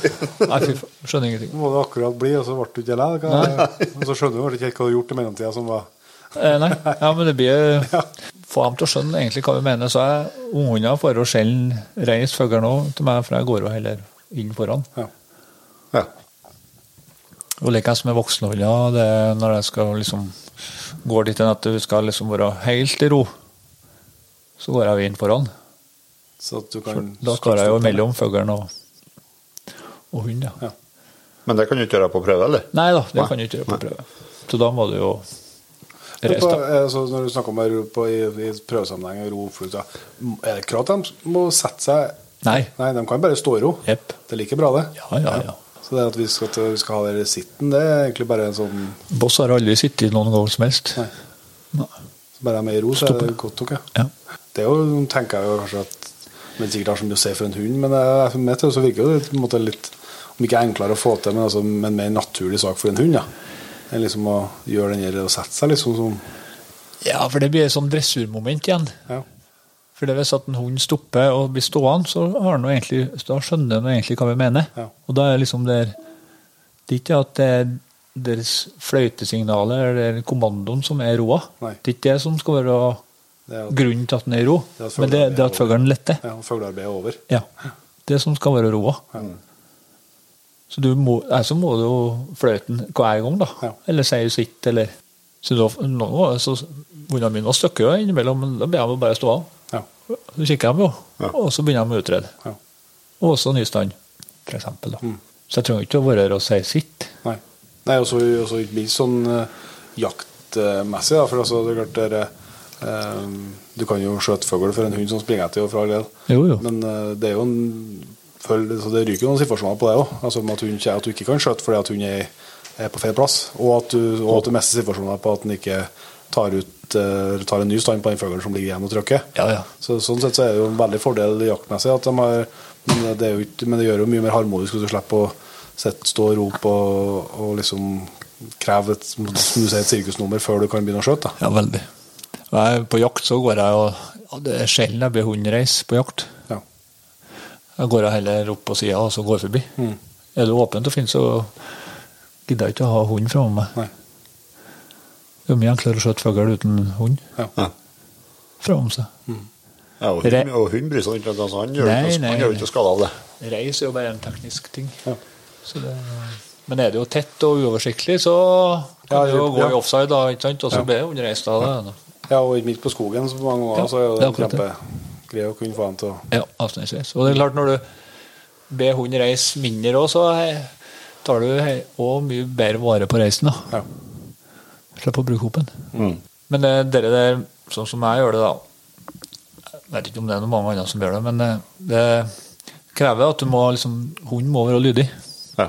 Det er jo ikke sånn at jeg slipper det helt vilt Nei. uten å ha kontroll. Nei. For den er nødt til å ha kontroll, ellers så, hvis den har det, så blir det fort krise. Ja. I dag så har vi jo hunder som har enormt jaktlyst og løpskapasitet. Så de er nødt til å være lydige. Mm. Men du bestemmer når du benytter av lydigheten. Ja, den tar jeg etter behov, da. Og det er klart, hvis du ikke sier noe, så har de ikke gjort noe. Gærne. De har jo ikke forbrutt seg mot deg, i hvert fall, Nei, eller nei. mot den kommandoen, eller hva du skal kalle det. da. Ja. Klart, Hvis de er lydige, så kan du gi mye mer positiv feedback også til dem. Mm. De hører etter, ikke så kommer de tilbake. 'Ja, flink, ja, bra.' Så får du forsterka egentlig det gode de gjør. Ja. Så blir liksom det eventuelt mindre dårlig, og det blir liksom i bakevja. Ja. Ja, altså, som du sa et stikkord i, når vi begynte å snakke om det her, altså med det harmoniske. Det er lettere Ja. å få til harmonisk, da. Ja, det, du gjør det litt enkelt og legger litt til rette for at de skal lykkes, da. Men vi, det krever at en må ha gjort en jobb eh, før vi kommer dit. da. Men jeg skjønner jo at du har sett så mye hunder og jobbet med så mye flere hunder at du har jo et blikk for det, men går det an å gi et bilde på eh, når du vet at dressuren er god nok? da? Altså, gjør du noe, Har du noen sånne tester eller noen provokasjoner som du kan gjøre i bygda? Skal jeg? Ja, ja. Som du, sånn at du vet at eh, nå, ok, nå er vi der? Jeg tester hele tida. Hvordan, eh, hvordan tester Nei, det kan være bare helt småting. Som med innkalling så bare ser jeg at hunden er interessert i et eller annet. Mm. Det kan være bare fem meter unna meg, og så bare roper jeg på han. Eller sier navnet, da. Mm. Hvis han fortsetter så så han nassen i bakken, da, så er jo det for dårlig. Ja. Så må du si en gang til. Så kikker han på deg. Da. Og så lurer du eh, Jaha. Mexican standoff? Så må du si tredje gangen, da. Da er det jo for dårlig. Ja. Sant? Så da vet du at ja, det er for dårlig. Eller må Da må vi jobbe enda mer med innkallinga. Ja. Så vi, vi dresser jo altfor lite. Vi dresser jo egentlig ingenting. Så mine hunder blir jo hjernevaska på innkalling. De, de vet hva de heter. Ja. Og jeg liksom tester hele tida, bare sånn at jeg er alltid i forkant. Så jeg vet at de er Ja, for er det ferskvare, tenker du? Det, når du Ja, tester i hvert fall når de første tre årene, så utvikles de jo. Ja. De blir gamle, de får mer hår på brystet, de blir mer selvstendige, de får mer jaktlyst. Og det at vi skal tro at hun er ferdigdressert når hun er ett år, det går ikke. Nei. Da får vi Jeg har opplevelse senere i gata. baksmell, til å si. Men sånn som hun, øh, du snakka om Ina her som er ett og et halvt år. Ja. Du du har hatt deg på dua, men du har ikke hatt henne i fugl på fjellet ennå? Jo, har hatt noen få sanda. Ja. Men det nå til høsten blir liksom Ja. ja. Nå blir det rampjakting. jo, men dæven, de blir så utrolig bra på fugl ja. at det er helt kriminelt. Det er nesten eh, Men det å liksom Jeg slipper jo ikke helt sånn. Nei, nei. Det er jo sannhet med modifikasjoner, men altså, det, detter jo fugl. Ja. Frihet under litt begrensninger. Ja. Men jeg sier jo ingenting. Nei. Men jeg skjøter jo ikke under fugler, for, for å si det sånn. da. Du velger situasjoner som er rett, liksom, ja. Ja. Og hvordan hunden er, ikke sant. Er det en forsiktig hund som ikke går så stort, så kan det hende at det, det detter mer. da. Ja. Det er litt etter som hva de tåler. Ja. Sånn sett, da. Men det er så godt, for jeg synes det jeg syns ungene fortjener litt, som, litt rom, altså. ja. Så det skal være altfor mye det- det- Kravet kan vi gjøre hjemme, men i fjellet der at Selvfølgelig må du gjøre litt i fjellet òg, men i ung alder så må de få den romma de vil ha, ja. i kontrollerte former. Eh, men Jeg syns det høres veldig sånn, både fornuftig ut og, og behagelig. eller Så rett ut på viset altså, med at jeg har hatt fuglehund før og nå har uh, elghunder. Så, så på elghunder så har jeg kjent både på glede og frustrasjon nettopp det altså, at du er lenger unna dem, og de må på vis gjøre alt sjøl. Ja. Måtte utvikle seg. Altså, så, så selv må du hjem, du må ut med dem, og du må trene med dem og, Mm. og være kompiser med dem. Liksom. Men, men liksom, selve jaktlige delen må de løse så mye av sjøl. Og det er både eh, fordeler og ulemper og gleder og frustrasjon med det. Og at du liksom ikke kan liksom, gjøre mer for dem. Da. Mm. Eh, hvis du har en idé om hva de trenger. Men, men eh, det gjør at du liksom du bare forvalter det iboende i dem ja. på sikt. da. Det er akkurat det. Som, noe som er, er veldig tilfredsstillende og, og fascinerende. Veldig. Veldig. Og det er liksom i Hvilke krav en setter. Det er jo en hund tar stand, og så er det en fugl en eller annen plass framme, men det er noe greit, det òg, selvfølgelig. Men det, Det er å, få, å- få en uh, Det er ganske god følelse å ha en hund som er god til å finne fugl, og blir god til å finne fugl. da. Og blir flink til å behandle fuglen. Det er ganske artig å jakte med en sånn hund. Ja. Så det, noe som gir deg situasjoner som du ikke ville fått uten. ja, helt sikkert. Selvfølgelig kan du gå på noen smeller med at du kommer litt skjevt ut, men det, jeg tror at vi må bort ifra det med det eh, Rios-opplegget. Ja, så er det jo og så er det jo mm, mange som har lyktes med, med mange forskjellige måter, men det, men, eh, det ser man jo på, på premiehyllene rundt om her og, og på bokstavene som du har framom hundene dine, at, eh, at det uten tvil fungerer. Ja. Ja, den måten du gjør det på.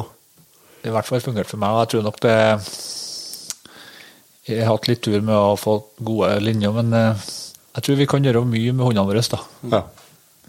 Jeg gjør jo ikke alt rett heller, det er jo ikke det. Men man må være i hvert fall åpen på også gi dem litt uh, spillerom. Ja. Ja, så, så er det jo selvsagt også noe med deg på dette nivået liksom, som har et både vilje og, og ønske og, og kapasitet til å heve deg helt i toppen, men, men det er jo ikke det som er for de aller fleste. Så er det jo noe med, med ambisjonsnivå, hvor, både hvor det bør ligge og hvor det skal ligge. og Da er jo kanskje lett å legge ambisjonsnivået litt for høyt. og så eh, på alteret for det, ditt eget ambisjonsnivå, så, så legger du også mye av gleden du kunne, kunne hatt med hund, og gleden hun kunne hatt med å være i fjellet og, og få leve ut innsiktene sine. Liksom. Og det er jo veldig synd. Ja, det er jo det. Det er jo, det er jo ikke sånn kjempekrise om at ikke hunden er helt rolig. Nei. Det er jo mye bedre at den presenterer fugl på en god måte i stedet. Ja. Det er mye bedre for jegeren. Ja. Tror ikke det være akkurat peis i ro. Nei. Det er ikke det som er Så lenge en har lyst til å finne, som du sier, besatt av å finne fugl, og, Ja. og står der og venter til du kommer, Yep. da har jo mye bra skjedd. Helt sikkert. Så det er jo et nivå som er mer enn godt nok. Men det er jo men det er klart, den, eh, Det er jo med at um, Du snakka om han, han kompisen du hadde tidligere her som ja. måtte tyvreise. Det er klart at da, men tror du det handla det om at grunnressuren var, Ja, ja. ikke var god nok? da? Ja, ja, for jeg skulle jo vente, vet du. Ja. Og oppdraget var helt sikkert ikke eh, god nok heller. Nei. Så det var jeg jo skikkelig på hælene. Ja. Og rakk ikke å hente inn det, liksom? Nei, jeg klarte ikke, for han utvikla seg sånn Og da var han nå tre år, vet du. To, ja. tre år, ja, det er klart. I dag kan det hende at jeg har fått det til. Men ikke, jeg fikk ikke til da, nei. Nei. Og det er jo sånn En må bare erkjenne at han får jo ikke alt her i verden. Det, det er jo ingenting eh, som en får til. Altså, det er ikke alt en får til. Nei. Så en kan jo komme skjevt ut. Men, du- men likevel så, så du hadde jo bra jakt med hund for de. så- Ja, ja. Det var jo et helt fenomenalt. Ja. Du har jo eh, hatt da, og vært noen kvalper òg, Rune. Er det, noe, er det noe sånn fast du prøver å se etter i kveldkassen liksom, når du skal velge individ, eller er liksom på lykke og fromme? Ja. Boss kom jo inn bakdøra. Ja, han kom inn bakveien. Men eh, eh, er det liksom noe du prøver å følge med? Ja, jeg syns det blir bare vanskeligere og vanskeligere. Ja. Uh, før jeg begynte å avle sjøl, så så jeg jo valpene én eller to ganger. Og da syns jeg det var enklere. Ja. For nå finner jeg ut at de endrer jo seg sånn. Ja. Fra dag til dag. Ja. En dag så kan den være Til fast og sånn. Ja, eller sånn som du liker også en annen dag, så kan det være en annen. Men jeg liker jo valper som er litt for seg sjøl og utforsker litt begge han. Ja. om ikke er opptatt av resten av gjengen. Ja. Ja. Det var sånn jeg plukka ut han Sorro, blant annet. Ja. Beethoven, eh, eller etter det første kullet, da skulle jeg jo bare ha ei tispe. Eh, Men det ble jo en hann i tillegg, da. Ja. Jeg tok jo to. For eh, jeg klarte ikke å selge han Beethoven, for han ja, Når det var fem uker, eller noe sånt, så bare forsvant det noe gjennom bakkene. Og ble, eller for på egen hånd. Ja. Så han var ganske sånn selvstendig. Ja. Han ble jo det når han ble gamlere òg. Så jeg liker hunder som er litt for seg sjøl og går litt og undersøker litt sjøl. Ja. Litt, som, litt som du. Litt som meg. litt Loner. Liker jeg best begge ganger. Ja. Nei, om det Jeg tror nok kanskje de gjenspeiler seg litt i, når de er blitt gamle. Da. Ja. Det er vanskelig, det der, men det, det er litt sånn som du tenker også. Og det er i hvert fall vi var ute Rex, så, så var vi på besøkte ham litt en par-tre ganger. Og der, så, da prøvde jeg liksom å lage litt sånn enkle hindringer for dem. Da, og så se, prøve å Ja. se litt hvem, hvem er det som er- ser ut til å kunne se på den hindringa og så finne en løsning på det. Og hvem venter på at andre skal Ja, løse det. for dem, liksom. Ikke Men om det har noen effekt, da, det er vanskelig å si. Men jeg, men jeg tror kanskje at det er litt, den av det òg. Altså, altså, å, har lyst til å finne en løsning på ting. Ikke sant? Selv om det nødvendigvis ikke har noe med jakt å gjøre sånn direkte der og da, så, så kan jo vil, Jeg har jo sånn eh, og det er vanskelig å Det er noe som liksom plager meg litt på det med avlen og, og med prøver og alt sånt. For at jeg tror jo mm, Etter å ha snakka med veldig mye gode hundfolk gjennom Jegerpodden eh, og, og fått gleden av å ha sett en del gode eh, hunder, så, så syns jeg liksom noe som kjennetegner gode jakthunder, liksom uavhengig av rase, eller om det er fuglehunder eller elghunder eller rådyrhunder, eller hva det skal være, det er jo noe med eh, viljen til å til å lære, altså eller evnen til å lære. da. Og som hunder som virker til å være ja, mangel på et bedre ord smart. da. Og, som, og som gjør det ene ene dagen og neste motsatt neste dag. Fordi at det virker til å passe bedre med forholdene. Eller med den elgen eller med den rypa. Um, det syns jeg er sånn kjennetegn. Det er sånn, det er vanskelig å mål, målsette Ja. eller å, å tydeliggjøre, liksom, men, men det er jo en eller annen faktor der. Ja, det er det. Og det er liksom å ha både en porsjon med selvstendighet og en porsjon med samarbeidsevner. Ja. For å liksom Du kan liksom ikke ha bare enten eller. eller nei. Nei. Nei, det er litt sånn det er, Utvelgelse av valper, det, blir- det syns jeg er blitt mye mer når jeg skal plukke ut av mitt eget. Mm. Det er nesten håpløst. Da går jeg mer nesten på utsjåen. Ja. Og liksom på følelser hva, hva, hva du liker, da. Connection, mest, Ja. mest connection med, liksom, Ja. Hva har du tenkt, eh, eller du kommet på med avlen? Hva, liksom, eh, når du har kikka både linjer for å velge valpene, men òg når du har revet og avla sjøl, Mm. hva er det liksom du fokuserer, fokuserer på? Det som jeg, jeg i hvert fall mener det, er Han må ha ei sterk tispe, og ei sterk eh, tispelinje. Både helse og, Jakt. gemytt og jaktlig. Mm. hvis du har det, så er det ikke noe mye som kan gå galt, da. Tispelinja er viktigst. Jeg syns det, ja. Hvis du har ei god tispe og ei god tispelinje, så kan du egentlig putte på det du vil. Ja. Og jeg er jo liksom Er av Er sånne folk òg, tenker du? Ja. Så det har vært brukt mer avl. Eller kanskje nei. Nei da. Eh, I hvert fall når jeg ser etter hannhund, så ser jeg etter hannhund som kan forsterke de gode eh, egenskapene på min tispe. Du vil doble på gode egenskaper Ja. framfor å lete etter det som mangler. på ja, Hvis du må lete etter mangler, så har du for dårlig tispe. Ja.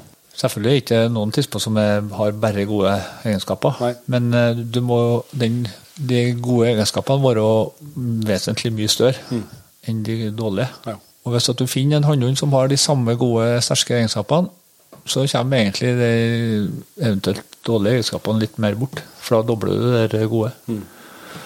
For jeg tror vi har en tendens til å finne egenskaper som tispa vår ikke har.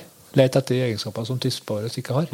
Og da får vi liksom Da blir det vanskelig avl, vi får liksom hele spekteret. Ja, vi, vi får ikke noe um, tråd til det, syns ikke jeg, da. Nei. Jeg har i hvert fall det som eh, Ledestjerne, liksom. grunn, grunntanke, da.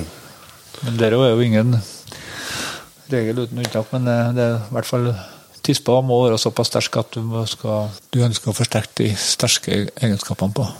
Men sånn eh, Forsteren eh, sammenligna med, med f.eks. setterne, så er det, det er jo ikke en stor rase. Nei. Eh, Men hvordan er det utafor Norges grenser? Er det mye import og sånt på forstere, og sånt, eller er det på, på fuglesida? Ja, det er litt sånn både òg. Det er jo mye dansk hunder som kommer er i Norge, og svensk hunder. Og de danske hundene er jo tyske hunder, egentlig.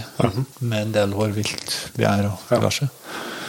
Men det er klart, det- rasen er jo så liten at vi må jo ha litt påfyll. Så det er klart, de utenlandske hundene vet jo mindre om, da. Ja.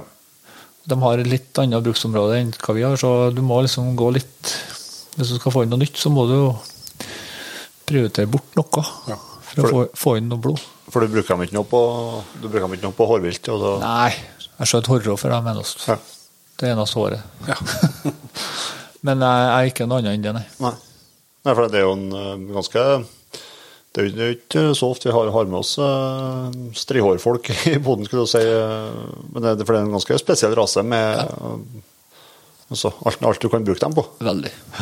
Du kan Altså- bruke dem til alt mulig. Ja, så, så snakker vi om i Tyskland, der de blir, Ja. blir brukt lovlig som catchdogs og, Ja. og bryter ned skada vilt og, Ja og ettersøk og hele, hele pakka. Så de, Ja. de har mye i seg. ja. Den bruker jeg med til rådyrjakt til støt, støtende. Ja, ja. Så det er jo villsvin. Ja. Så det Hva får du i en uh, forster, da? Du har jo både forstere og settere her. Hva får du i en forster som du ikke får i en setter? Sånn, som en helårsperspektiv, skal jeg si. Du får en mer robust hund, da. Ja. Eh, takler egentlig alt mye Vær og føre, liksom. Og Ja. sånn. Du stopper aldri med en striår. Nei. Har, har du sånn, har du sånn tettsittende kondomdresser til dem? Ja da, har det. Jeg forfrøs ballene på én hund en gang. Ja, Det var han som tjuvrest. Ja. Det var ikke bra. Så, De, de er utsatt, dem. ja. de har ikke noe hår der, vet du. Så, og så er det Gi det litt varme da, til muskulaturen. Ja. Ja. Så du, tar, du får eh, Hunden holder ut mye bedre. Ja. Så selv om de ikke har så mye pels å ha på dress pga. pelsen, så er det du får litt varme. ja. Det kan være en avgjørende faktor, det òg. Ja, jeg syns det. På prøver bruker jeg ikke det, for da det hemmer dem litt, syns jeg. Ja.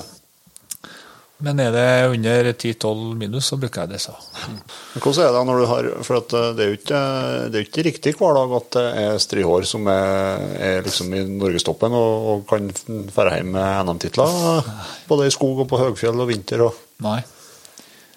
Det er litt ekstra stas, det, eller? Jeg syns det. Ja. Det er derfor jeg syns det, og det er en av de Det som gir meg litt, det å, liksom, å få til en hund som ikke alle andre har. Ja. For um, Blir setter folk litt grinete, da. Nei, jeg vet ikke. Jeg tror ikke det. Han tør i hvert fall ikke å si det. Klø- bort det. Nei, jeg tror ikke det, da. Alle setter vel pris på å se en god hund. Ja, det gjør jeg òg. Og det er om det er en striår eller en lengesetter og En god hund er en god hund. Jeg liker liksom type, typen, da. Ja, sånn du som bruker dem til med, med kløving og trekking. Og, Ja. Jeg så det sto sleder ut der òg. Ja. Ja. Så det stopper liksom aldri. De er mye sterkere. og så liksom Temperamentet deres eh, passer meg bedre. Ja. ja, for det, nå er det, det, det er jevnt. Det har vært veldig bra gamet på Forstad nå. Ja da. Nå er det er en helt annen side nå enn hva det var på 80-tallet. Ja. Men hvordan, jakt, hvordan jaktlig sett er er det noe forskjell på korthår og strihår sånn i fjellet og på skogen? Nei, Nei. det er noe det samme. Eller Det har ikke noe Det er ikke noe forskjell, nei. Sånn sett, nei. Jeg tenkte, det sitter jo helt sikkert folk og hører på en runde som eh, eh, vurderer å skaffe sin uh, ny hund eller sin første hund. Hva, hvis du Nå skjønner jeg at du sikkert er litt opptatt av hvordan linja og sånt du vil ha mm, valp fra, men hvis du kunne ha valgt tidspunkt når du skal hente en valp, hva, hva syns du liksom, for liksom, så optimalt som mulig for å komme i gang i fjellet? og sånt, Har det noen, bet, noe betydning om du henter en vinter eller sommer, eller hva, hva, hvis, du, hvis du kan velge, hva, hva tar du? Nei, Det spiller egentlig ingen rolle. Nei. Det har eh, mer å si hva slags hund du får til. Ja. Styre etter det istedenfor tidspunkt? Ja, nei, det har ikke noe betydning. Nei. Ikke for meg, nei. Nei. Men eh, det er nå litt hvordan den bor, og, men, og hva du vil med hunden din. Men eh, må heller få til en hund som du vil ha hund ifra. Få til en oppdretter, Kjøp hund ifra en oppdretter som eh, som tar litt vare på deg. Ja. Mm. Som følger opp deg litt. Mm. Men den som vil, vil ha striår er, det- er det greit å få til hvert? Liksom, er det, det er jo ikke så mange kull i året. Er det liksom vanskelig å komme til, eller? Ja, de har vært litt sånn opp og ned, da. Ja. Men nå er, igjen er det litt sånn roligere, da. Ja. Så nå er det greit å få tak i. Ja. Eh, Koronaårene var jo litt sånn, i hvert fall så skjer det, det virker Ja. i hvert fall om at det i hvert fall på jentehus som jeg føler det nærmest, så er det jo veldig greit å få til hund. nå. mens i periode så var det jo under korona så var det litt vanskeligere igjen. Liksom, da ble det jo, men så liksom, Det ble det kanskje litt mye kull i stund. Ja, det ble det, så. Mange fikk til hund, og så har det blitt liksom roa seg litt nå. Ja. Så jeg tror det er det vi ser nå. For jeg ser både på engelsetter og striver, så er det liksom valper ledige. Ja. Og det tispa er jo ledig, ikke sant. Og da er det liksom Da er det litt eh, vanskeligere å selge nå, da. Ja. Men du, du sa i starten at du bare og så når du, når du begynte litt med og Mm. tispa. Hva, hva er feelingen din der på Hvis du, hvis du, hvis du vil ha en, en ren jakthund, vil du da ha, preferere hannhund framfor Ja. tisp? Eller? Ja, uten tvil.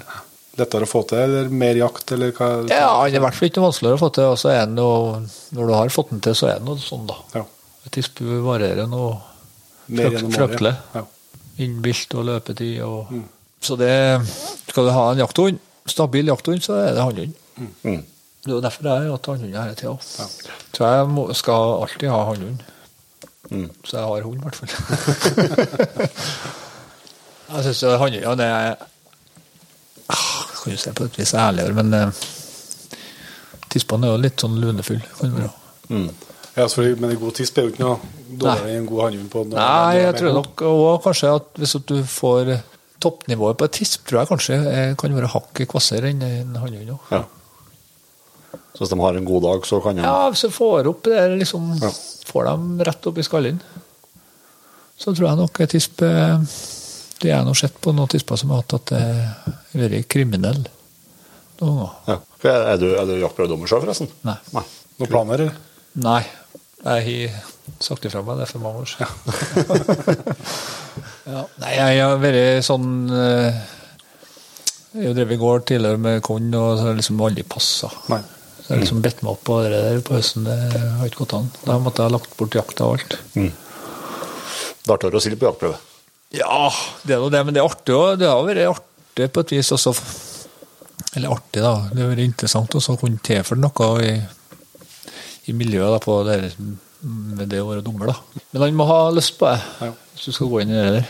Ja, så klart at det er, sånn, det er en fordel med fuglehundsporten kontra eh, prøver med, med velgående eller drivende hunder. Så er jo det en bra måte for å få sett andre hunder. Ja. Men klart i fuglehundsporten så får du jo sett mye andre hunder med å være deltaker òg. Ja da, det.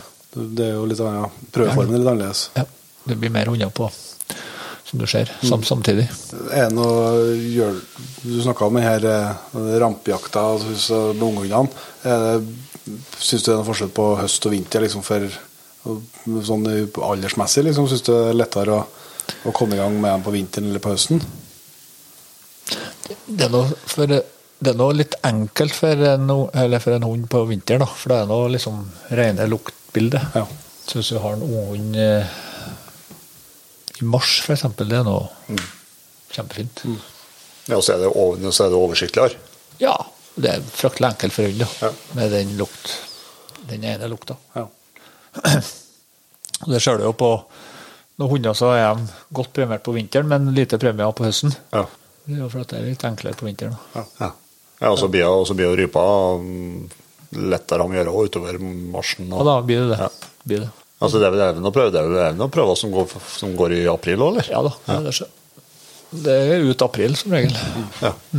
Et uh, stikkord som vi så vidt var inne på, du snakka litt om hvordan du brukte uh, duene og uh, tannfugltreninga.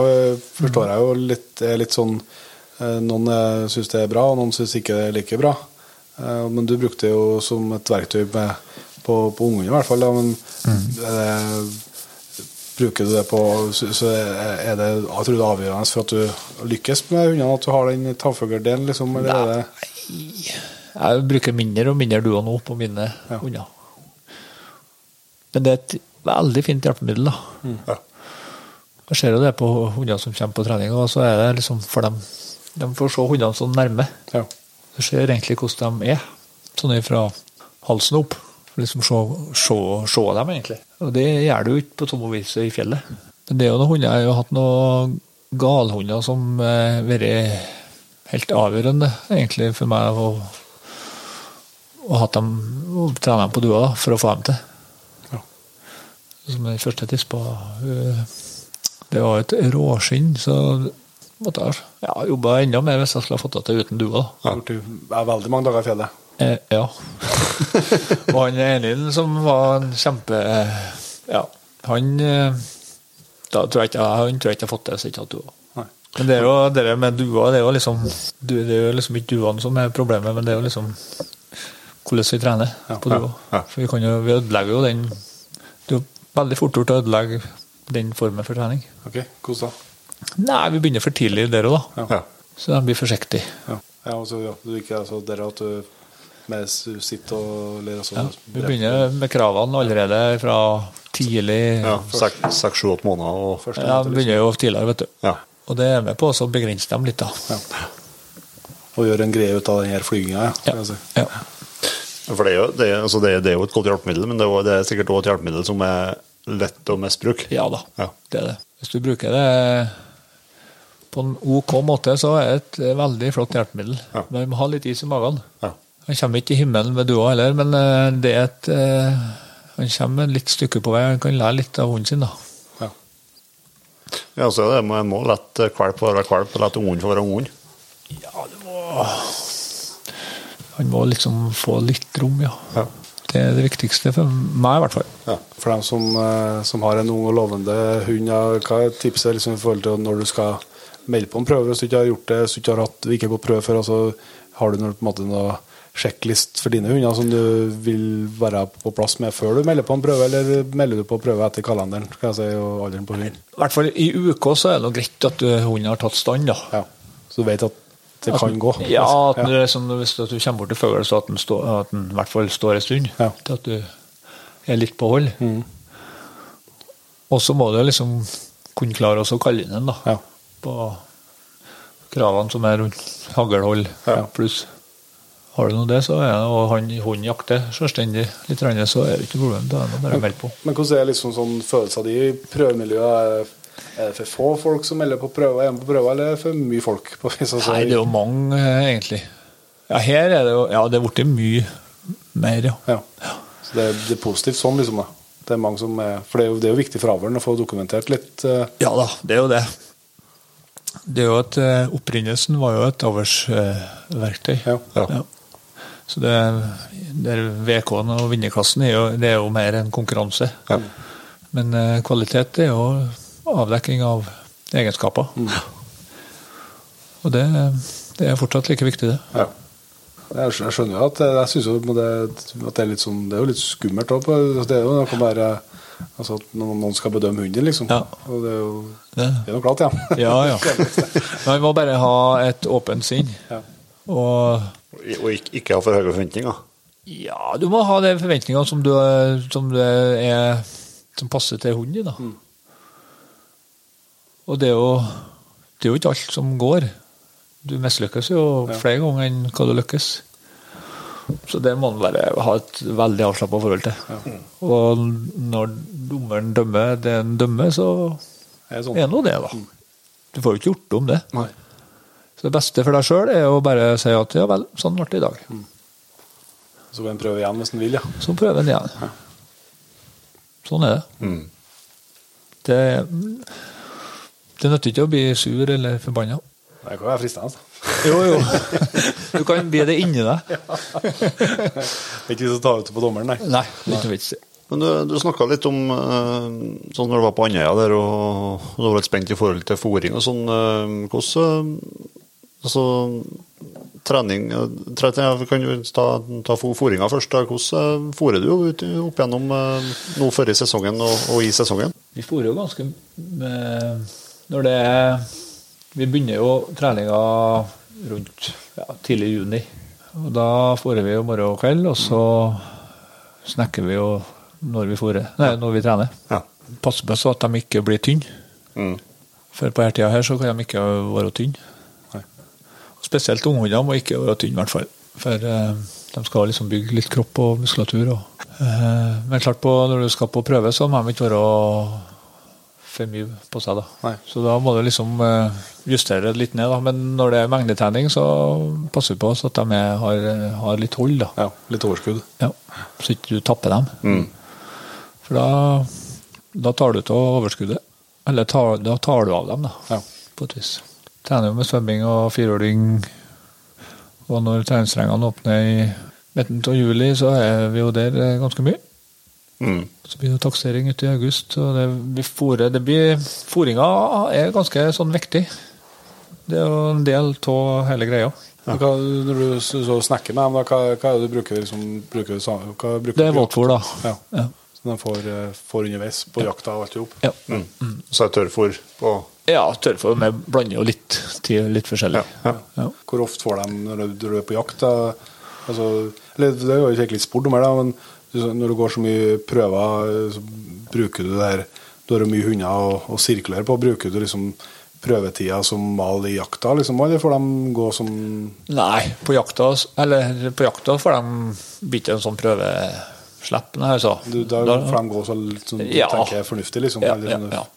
Men opp til treninga og til prøver, så nå, Akkurat nå så blir det jo lange slipp. Ja. Nå er det mengde, da. Ja.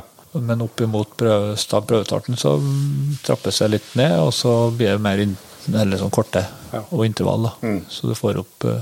Hva, hva er prøvetida eller prøveslipptida på, på skogen? Så er det en time, det? Ja, til sammen, ja. Men det er sånn Oppdelt, ja. to ganger en halvtime, eller tre ganger 20. Ja.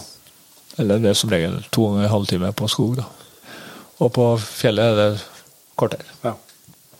ja for det tenker jeg sånn, det er litt, det er jo mye snakk om det i sånn prøvehunder og, og jakthunder. Liksom, altså, tror jeg kanskje ikke er så stor forskjell, da, men, men der er det jo en forskjell. i hvert fall for, når jeg jakta med, med hund og hadde bare én hund, så, så ville jeg liksom gjerne jakte en eh, Ja. time eller to før vi tok noen pause. liksom. Ja, ja.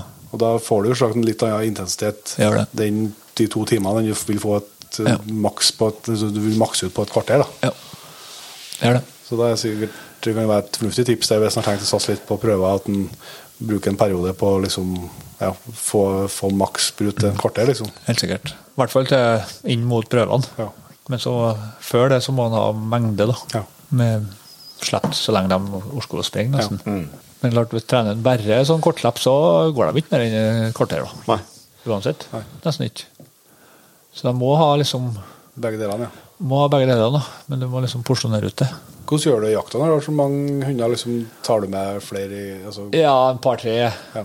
i gangen, så får resten ligge på hytta. Ja. Det er jo det som er utfordringa med litt flere hunder. da. Hvis du skal få jakta inn alle, så blir det liksom Da blir det lange dager.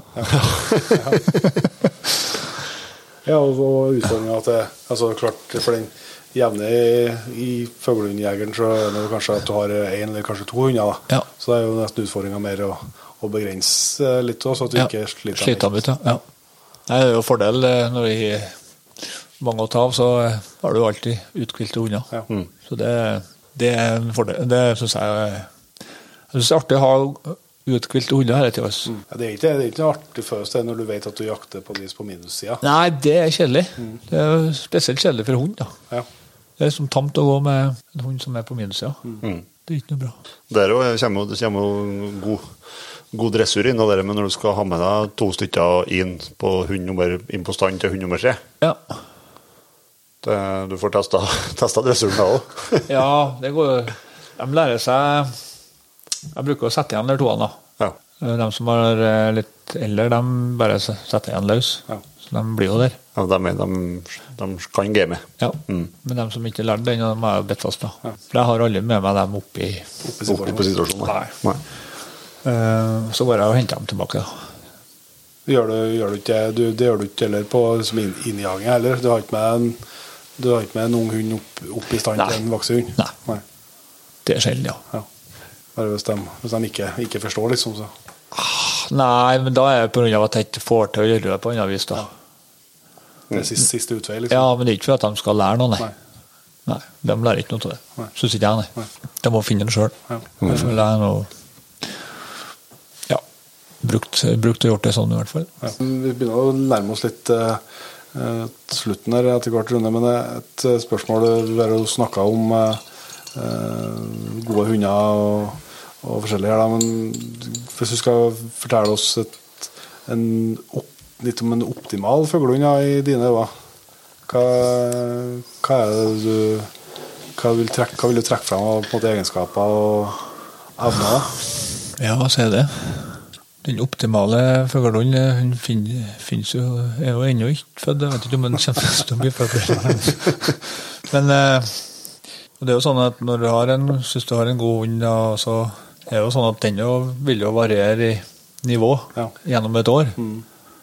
Den er jo ikke eh, 100% hele tida. Og det er noe sånn som Jeg ser jo spesielt på en boss òg, hvis at hvis ikke jeg har noe å trene mot, hvis at liksom Ja, vi bare slipper, så blir den detten. Ja. Hvis ikke jeg har noe spesielt Hvis ikke jeg har fokus, så detter den ned. Ja. Så det syns jeg er ganske merkelig. Men Jeg eh, tror jeg merker på deg på vis. Ja, altså. det tror jeg. Ja. et eller annet vis, det har jeg sett på flere hunder. Men når det liksom er fokus og trener mot noe, så er det virker det som at de skjerper seg. Eller så blir det litt andre hunder. Ja. Men jeg syns jo den Å ha en hund som er såpass har såpass uh, sjøltro på seg sjøl, at han, eh, når han står og blir stående, så vet du at da er fuglen 20-30 meter framme. Da er fuglen rett fram din. Det syns jeg, hvis at han er det sånn eh, jevnt over hele tida Selvfølgelig vil det variere, men uh, hovedsakelig at han er liksom presis på fuglen. Og det gjør det at den skaffer deg enkle situasjoner, jaktbare situasjoner. Så syns jeg det er den mest optimale hunden. da. Hvordan den går, egentlig, hvor stort den går, og sånt, det har egentlig litt sånn spesielt god betydning, da, eller mye betydning. Bare at er- finner den fuglen som er rundt deg, Ja. og presenterer den på en bra måte. Over tid. Ja. Selvfølgelig vil det variere litt, men, eh, Ja, men at du har liksom det som er liksom gjengs, da. Ja. Og så er jo selvsagt ikke at en kan, kan velge, da, men eh, det er i hvert fall jeg tenker for min egen del at øh, i en teoretisk framstilling av eh, hunder fra null til 100, da, der 0 er ubrukelig og 100 er helt fantastisk, Så jeg heller ville hatt en hund som, som eh, går mellom 40 til 70 hver dag, enn å ha en som går fra 10 til 100 Ja. annenhver dag. Altså sånn for, for det jaktlige. Ja. Så du vet du, du vet hva du har med ut, liksom. Ja da. Ja. Det er jo Det jeg jeg setter veldig pris på, bare stabilitet. da. Ja da, helt sikkert. Du må liksom i hvert fall ha sånn, føle at du har sånn kontroll, eller at du er på jakt med hund, da. så at du ikke blir gående og leie et hund. Da. At du har liksom Hovedsakelig er fornøyd med hund, med hund. At du i hvert fall får gode jaktbare situasjoner. fall- Du må liksom skrelle ned liksom alt det andre til at det blir liksom jaktlig gode, enkle situasjoner. Ja. Så det ikke blir så mye bal og ja, men sånn. Ja. Hvordan blir dette her, da? Enkelt og greit. Det syns jeg er- veldig ålreit på en fuglehund. Det går an å slå et fugl Ja. Oftere enn ikke går an å slå fugl. ja, det er akkurat det. Og det er noen hunder der du som roter til det, da. Ja. Hele tida. Ja. Eller ofte. Mer enn andre. Mm. Og det, da er du lenger unna enn Ottawa fuglehund. Ja, syns det. Ja, syns det. Syns det. Vi skal som sagt eh, begynne å runde av eh, etter hvert. Så, men vi har noen faste punkter Rune, som vi eh, må innom Ja. våre gjester. Og, så, og deg, vi skal først utfordre deg på et beste jakttips. Skråstrek hundetips. da. Så har du kommet med mange gode tips. Da, sånn. Ja, så er det. Det er å ut. Det var bare ut. Ja. Selv om at han eh, en periode han ikke finner noe vilt, så må han bare fortsette. Ja. Prøve forskjellige områder. Mm, Deler av terreng. Og, for det er alltid noe fugl der, hvis at det skal snakke om fugl. Mm. Men han må bare finne dem. Mm. Så det er alltid noe fu- fugl å finne. Så han må ikke gi seg. Og så må han sørge for å ha godt eh, trente hunder. Mm. Bra. Det blir en artigere jakt hvis de er i form 10. september. Ja. Ja. Å, Ja, det er det. å få en form da. Må gå hjem etter to dager, det er tamt. Ja. Hvis du skal trekke fram noe jaktutstyr da, som du har eh, kjøpt eller fått tak i siste, siste tida, er det noe spesielt eh, du er godt fornøyd med der som du vil trekke fram? Jeg syns jo det er S6-3-en min Den er en av de bedre jeg har fått til. da. Ja. Det er sikkert noen som er uenig til det, men Det, det må du regne med. ja. Men jeg syns det er et av de det var, Jeg syns det er OK, altså. Ja. Ellers så er det jo Jeg har hatt mye klær opp gjennom tida, men det er liksom det er noe, fleste er nå ikke brukbart til nå, egentlig. Så nå er, det stort sett fjellreven det går på. Er det noen jaktdrøm eh, da, til deg som du ikke har eh, levd ut? Det hunddrøm er noe, kan være en prøve du ikke har vunnet som skulle ha vunnet. Det er nå i så fall NM Høyfjell, da. Ja. Men ellers så jeg syns det jakta som jeg bedriver nå, eh, gir meg egentlig det mest. Ja. Jeg har ikke behov for å skjøte mye og mange og forskjellige typer dyr. Nei. Men eh, det er jakta med hund, og det er egentlig noe som gir meg mest. September, septemberfjell, det er budelig. Nei. Nei. Og hvis du får februarfjell, Ja. gode forhold med hundejakt, det er nesten eh, slår nesten alt, da. Ja. Sol og sola begynner å varme, og Ja, og godt skiføre. Og. godt skiføre og bra med fugl og trykker godt og Det er slutten på februarjakta med fuglehund. Ja. Når du har, fine dager da, med fine forhold. Det er lite som slår det, altså. ja, det er fantastisk. Det er det. Det jo dumt å komme snakke om dette i august. Da. Juli det faktisk nå. Men, men hva, hva, hva ski har du? Hva har du funnet? eh, Du, jeg vil jo tro du er mye ute på ski på fjellet. Hva, hva, Ja. hva har du endt opp på for noen ski? Nei, jeg har jo Jeg har jo Åsnes, da. Ja. Uh, Helge Ingstad har jeg hatt i mange år. Så jeg fikk jo til meg et nytt par, da, og det festa jeg på sida av sleda når jeg skulle fra hytta i fjor. To år siden. Fjor. Da var jeg jo så dum at jeg festa dem med skituppen ut, da, og vi passerte nå ei lita gran, Og selvfølgelig, da knekte så begge der sida der.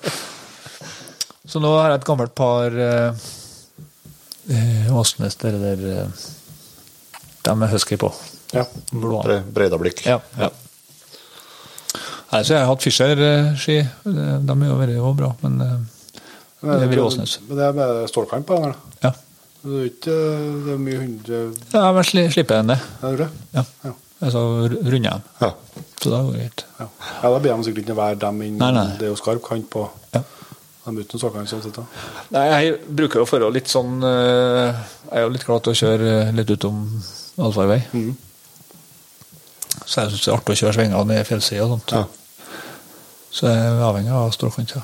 Og så kjører jeg så mye med hunder og snørekjører med seks hunder, så må du liksom ha stålkanter som grev ned i snøen, så du får stoppa. Når det kommer en japansk spissing imot, så er det greit. Ja. Avverge situasjonen. Ja, Men du- ja, for du spenner opp hundene og så snør, du snør, kjører med slede inn til hytta, du da? Ja. Ja, det er radio, vet du. ja, kjempesnedig. Bare å handle med hundemeldingen. Det er bare å kjøpe sånn hit til sled. Hvis vi skal ta ei jakthistorie på slutten her, da, Rune. Hva, hvor skal vi hen da? Jeg har tenkt litt på det der, men eh, det er, han Zorro der som, eh, som på veggen bakom. som henger på veggen bakom her på et bilde her, han eh, var jo helt enestående type på jakt. Han, vi var jo i Finnmark i 14 dager og jakta i 2006. Aha.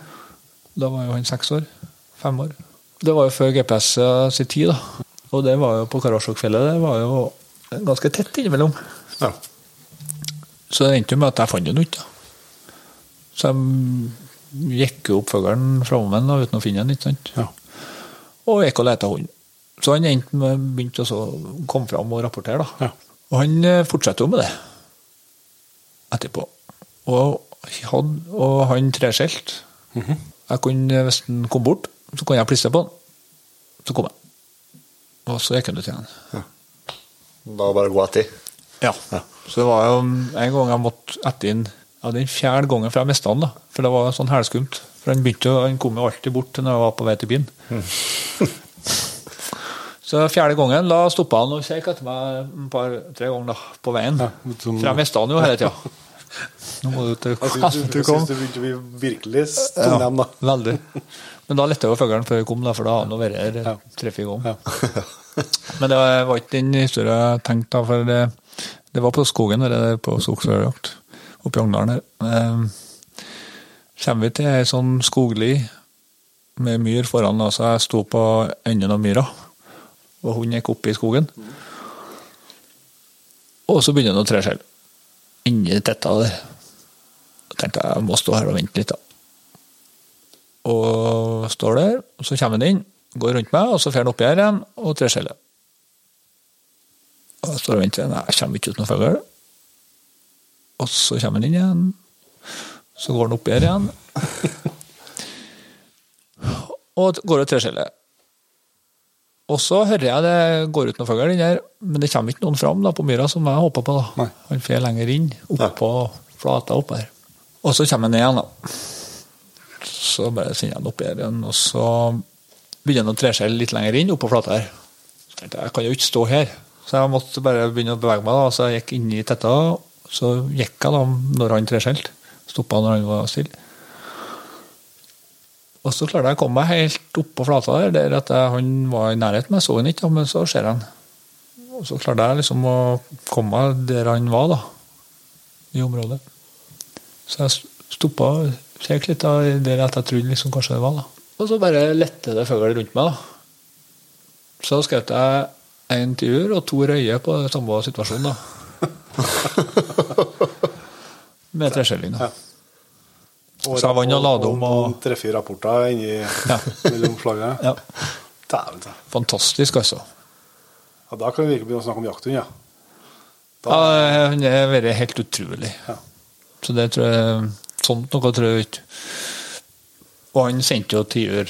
Han kunne stå, og så hvis han så da at dette her går ikke, så kunne han vinkle 90 grader, og så gå rundt, og så pressa han tiuren på. ja.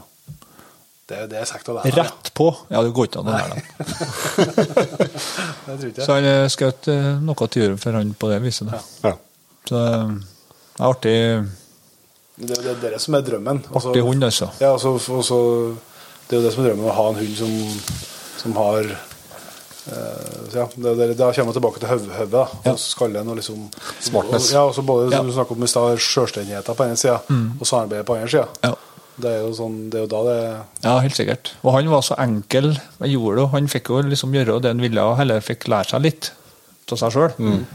Uten at jeg gikk og begrensa han på noe vis. Og da klarte han å, liksom, å lære seg det sjøl. Nei, det var artig å få oppleve, oppleve en sånn hund. Det var, han er jo den som betydde eh, egentlig mest. Det var ikke noe sånn det var, Han hadde jo mye, mye minuser, han òg, men eh, det er noen som egentlig har betydd mest for meg. da. Ja. Uten tvil. Så han har jo kommet på meg på skuldra og Ja. stort bilde på stueveggen. Ja, det Ja. begynner å det. Ja. Nei, Det har vært utrolig både interessant og lærerikt, eh, Rune. Så vi må si tusen takk for at du du lett, lett oss overtale deg. jeg, jeg. Jeg jeg får pris på det. Jeg er helt sikker på at eh, mange av våre lyttere vil stemme med oss i, så tusen takk. Bare hyggelig. Det var trivelig å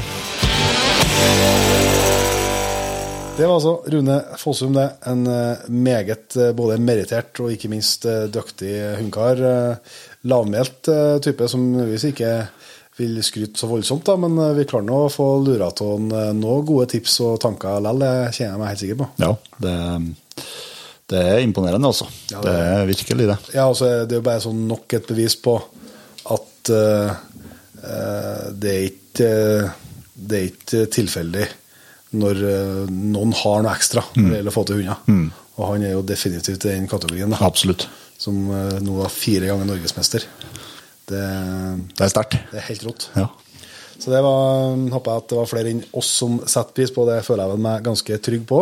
Men vi skal begynne å gå inn for landing fra alvor, Jon Inge, og eh, da har vi jo tradisjonen tro eh, gleden av å ønske nyankomne Patriens-medlemmer velkommen inn i jaktlaget. Mm, det er gledelig. Det er gledelig, og vi starter bare på toppen og sier tusen hjertelig takk til Ådne Rønsberg, Daniel Gangstad, Lillebakken, Andreas Lervik, ARL, Markus Utengen, Sondre Ånes, Knut Årnes, eh, Eirik Aas, Rolf Tjugum, Alexander Lund, Ted eh, Løvold, og Atle. Tusen hjertelig takk til alle dere, og, til, og selvsagt til hele Patriot-laget som allerede er. Vi, ta- vi toppa ut på all time high på over 3400 de siste månedene. Ja.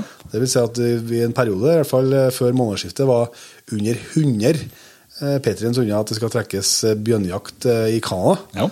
Så jeg er egentlig mentalt forberedt på at det var et mål vi ikke kom til å nå litt tidligere, men nå må jeg si at jeg fikk litt trua igjen. Nå snakker, nå fem-ti minutter siden vi snakka om det her med forhåpninger og forventninger. Og, Og går opp, opp og ned. ja. Nei, men det er i hvert fall eh, veldig artig at det ble en ny rekord, og det viser jo at det kanskje er potensialet for å nå det målet. Så det satser vi på. Så du som hører på, hvis du ikke er med i jaktlaget, eller om kontoen din har gått ut, eller hva det skal være, så er det nå bare å klikke seg inn. kort, eller? Ja, det, ting skjer. Yep. Så det er bare å klikke seg inn på lenka i eh, beskrivelsen av episoden, eller bejeger.no. Der finner du jo nettbutikken vår. Og den eh, har jo rulla på ganske bra egentlig nå i september og Ja. så det er artig å se at, eh, at det er litt interesse for eh, det, er nok, det er nok et bevis på at folk har vært litt ute og funnet ut at hm, skulle hatt noe nytt, kanskje. Kanskje det var greit å få til noe nytt i år òg. Så den kan du gjerne sjekke ut hvis det er noe du skulle mangle. Og så tror jeg vi bare unna og sier som vi bruker å gjøre til neste gang. Til neste gang håper vi at eh, begge, begge toene er i like godt humør og er full av gode historier. Og så høres vi. Vi høres. Tusen hjertelig takk for at du valgte å bruke litt av tida di på Jegerpodden. Sjekk ut jegerpodden.no eller din favoritt-podkastspiller for enda mer innhold og flere episoder. Følg også Jegerpodden på Facebook og Instagram, og ikke minst, husk å fortelle alle gode venner, familie og tilfeldige forbipasserende om Jegerpodden, sånn at vi får spredd det glade budskap videre. Vi høres.